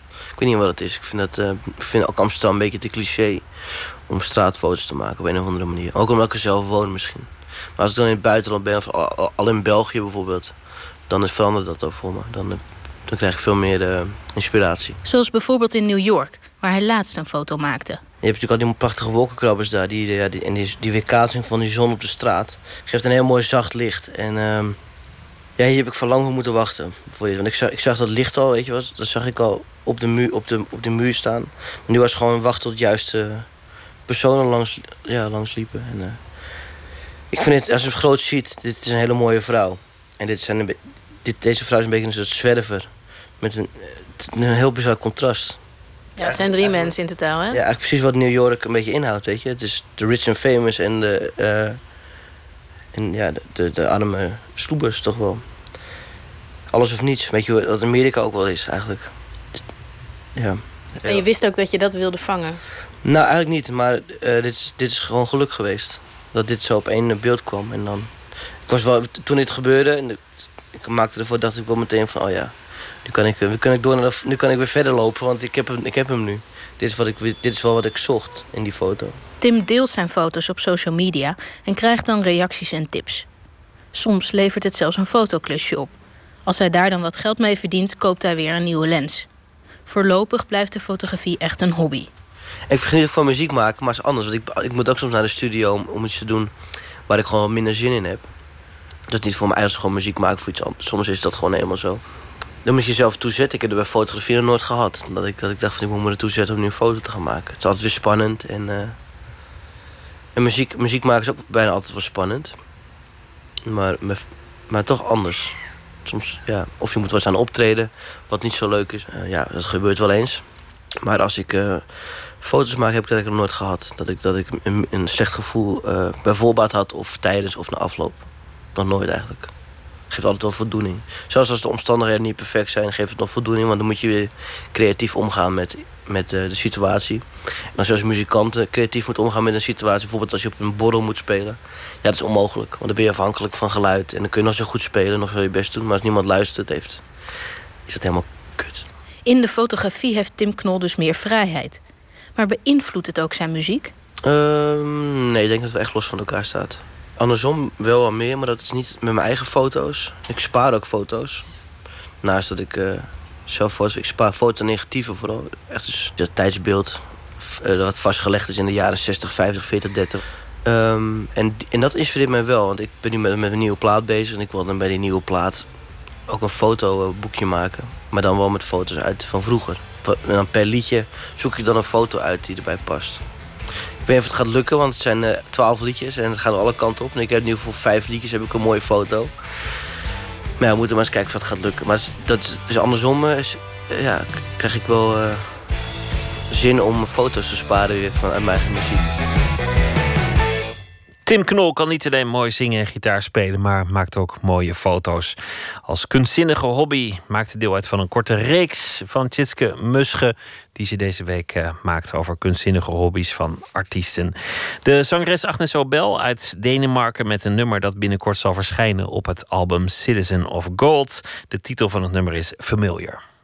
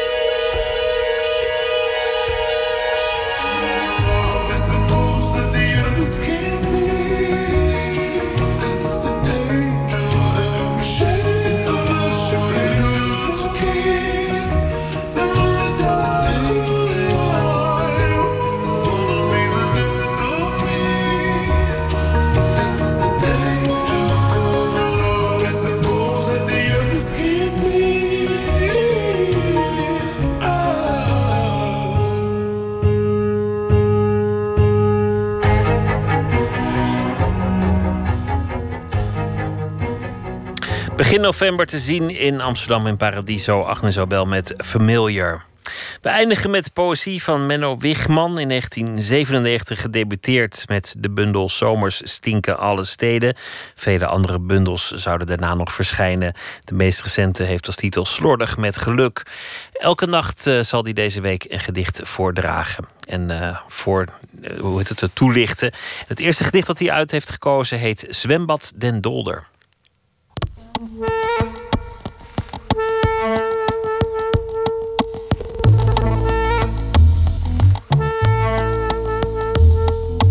Zwembad den Dolder. Er zijn gevoelens die fascistisch zijn. De vader die niet weet waarom hij slaat. De zoon die half verblind in foto's krast. De mooiste idioot die ik ooit zag, lag op zijn rug een heel heelal te zijn. Geen vader kreeg ooit greep op deze pees, die als een cosmonaut het bad doordreef. Geen moeder stookte in zijn vissenkom. En wit en scheef en wijs zwom hij, hij zwom. Dit gedicht is toch wel een uh, redelijke tijd geleden geschreven, misschien wel tien jaar geleden. En ik schreef het toen ik drie maanden lang als gastdichter verbleef op het terrein van de psychiatrische kliniek in Den Dolder. Dat is een tijd geweest die ontzettend veel in mij heeft losgevoeld. Dat komt onder andere omdat ik zelf ben opgegroeid in Zandpoort. En uh, het huis waarin ik opgroeide bevond zich niet heel erg ver van de psychiatrische kliniek Zandpoort vandaan. Maar in die tijd dat ik naar Den Dolder ging, was het ook al duidelijk dat de inrichting in Zandpoort opgeheven zou worden. In die drie maanden dat ik in Den Dolder zat, beleefde ik eigenlijk min of meer mijn jeugd opnieuw. Wat mij nou een heel erg sterk idee leek om in een gedicht te gebruiken, was het beschrijven van het zwembad Den Dolder. En ik heb ook een uh, logboek bijgehouden. Dat heb ik ook gepubliceerd onder de titel Het Gesticht in die tijd. En daarin beschrijf ik hoe ik met allerlei vreemde beweegredenen toestemming vraag om in het zwembad te mogen kijken. En uh, ja, daar heb ik daadwerkelijk gezien hoe een, uh, ja, toch een, een idiote jongen uh, op zijn rug een heel heelal lag te zijn. Dit gedicht speelt ook met een heel beroemd Nederlands gedicht, namelijk De Idioot in het Bad van Vazalis. En zij heeft in Zandpoort gewerkt en heeft dat ook gezien. En uh, ja, met dit gedicht wilde ik toch ja, iets vastleggen van, de, van alle tegen stellingen die er in een psychiatrische kliniek zijn te vinden. Dus aan de ene kant uh, het harde leven van volstrekt verweesde zielen. En aan de andere kant toch ook uh, de volstrekt afgesloten wereld van psychiatrische patiënten. En uh, ik denk uiteindelijk dat al die smoesjes waarmee ik in het zwembad ben gaan kijken, dat die toch echt dit gedicht gerechtvaardigd hebben. Zwembad ten Dolder. Er zijn gevoelens die fascistisch zijn. De vader die niet weet waarom hij slaat. De zoon die half verblind in foto's krast. De mooiste idioot die ik ooit zag, lag op zijn rug een heel heelal te zijn. Geen vader kreeg ooit greep op deze pees, die als een cosmonaut het bad doordreef. Geen moeder stookte in zijn vissenkom. En wit en scheef en wijs zwom hij, hij zwom.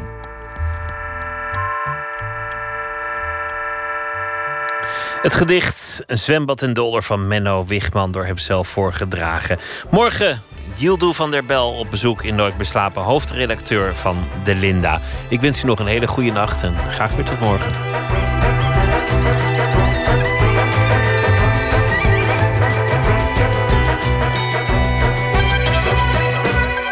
Op Radio 1, het nieuws van alle kanten.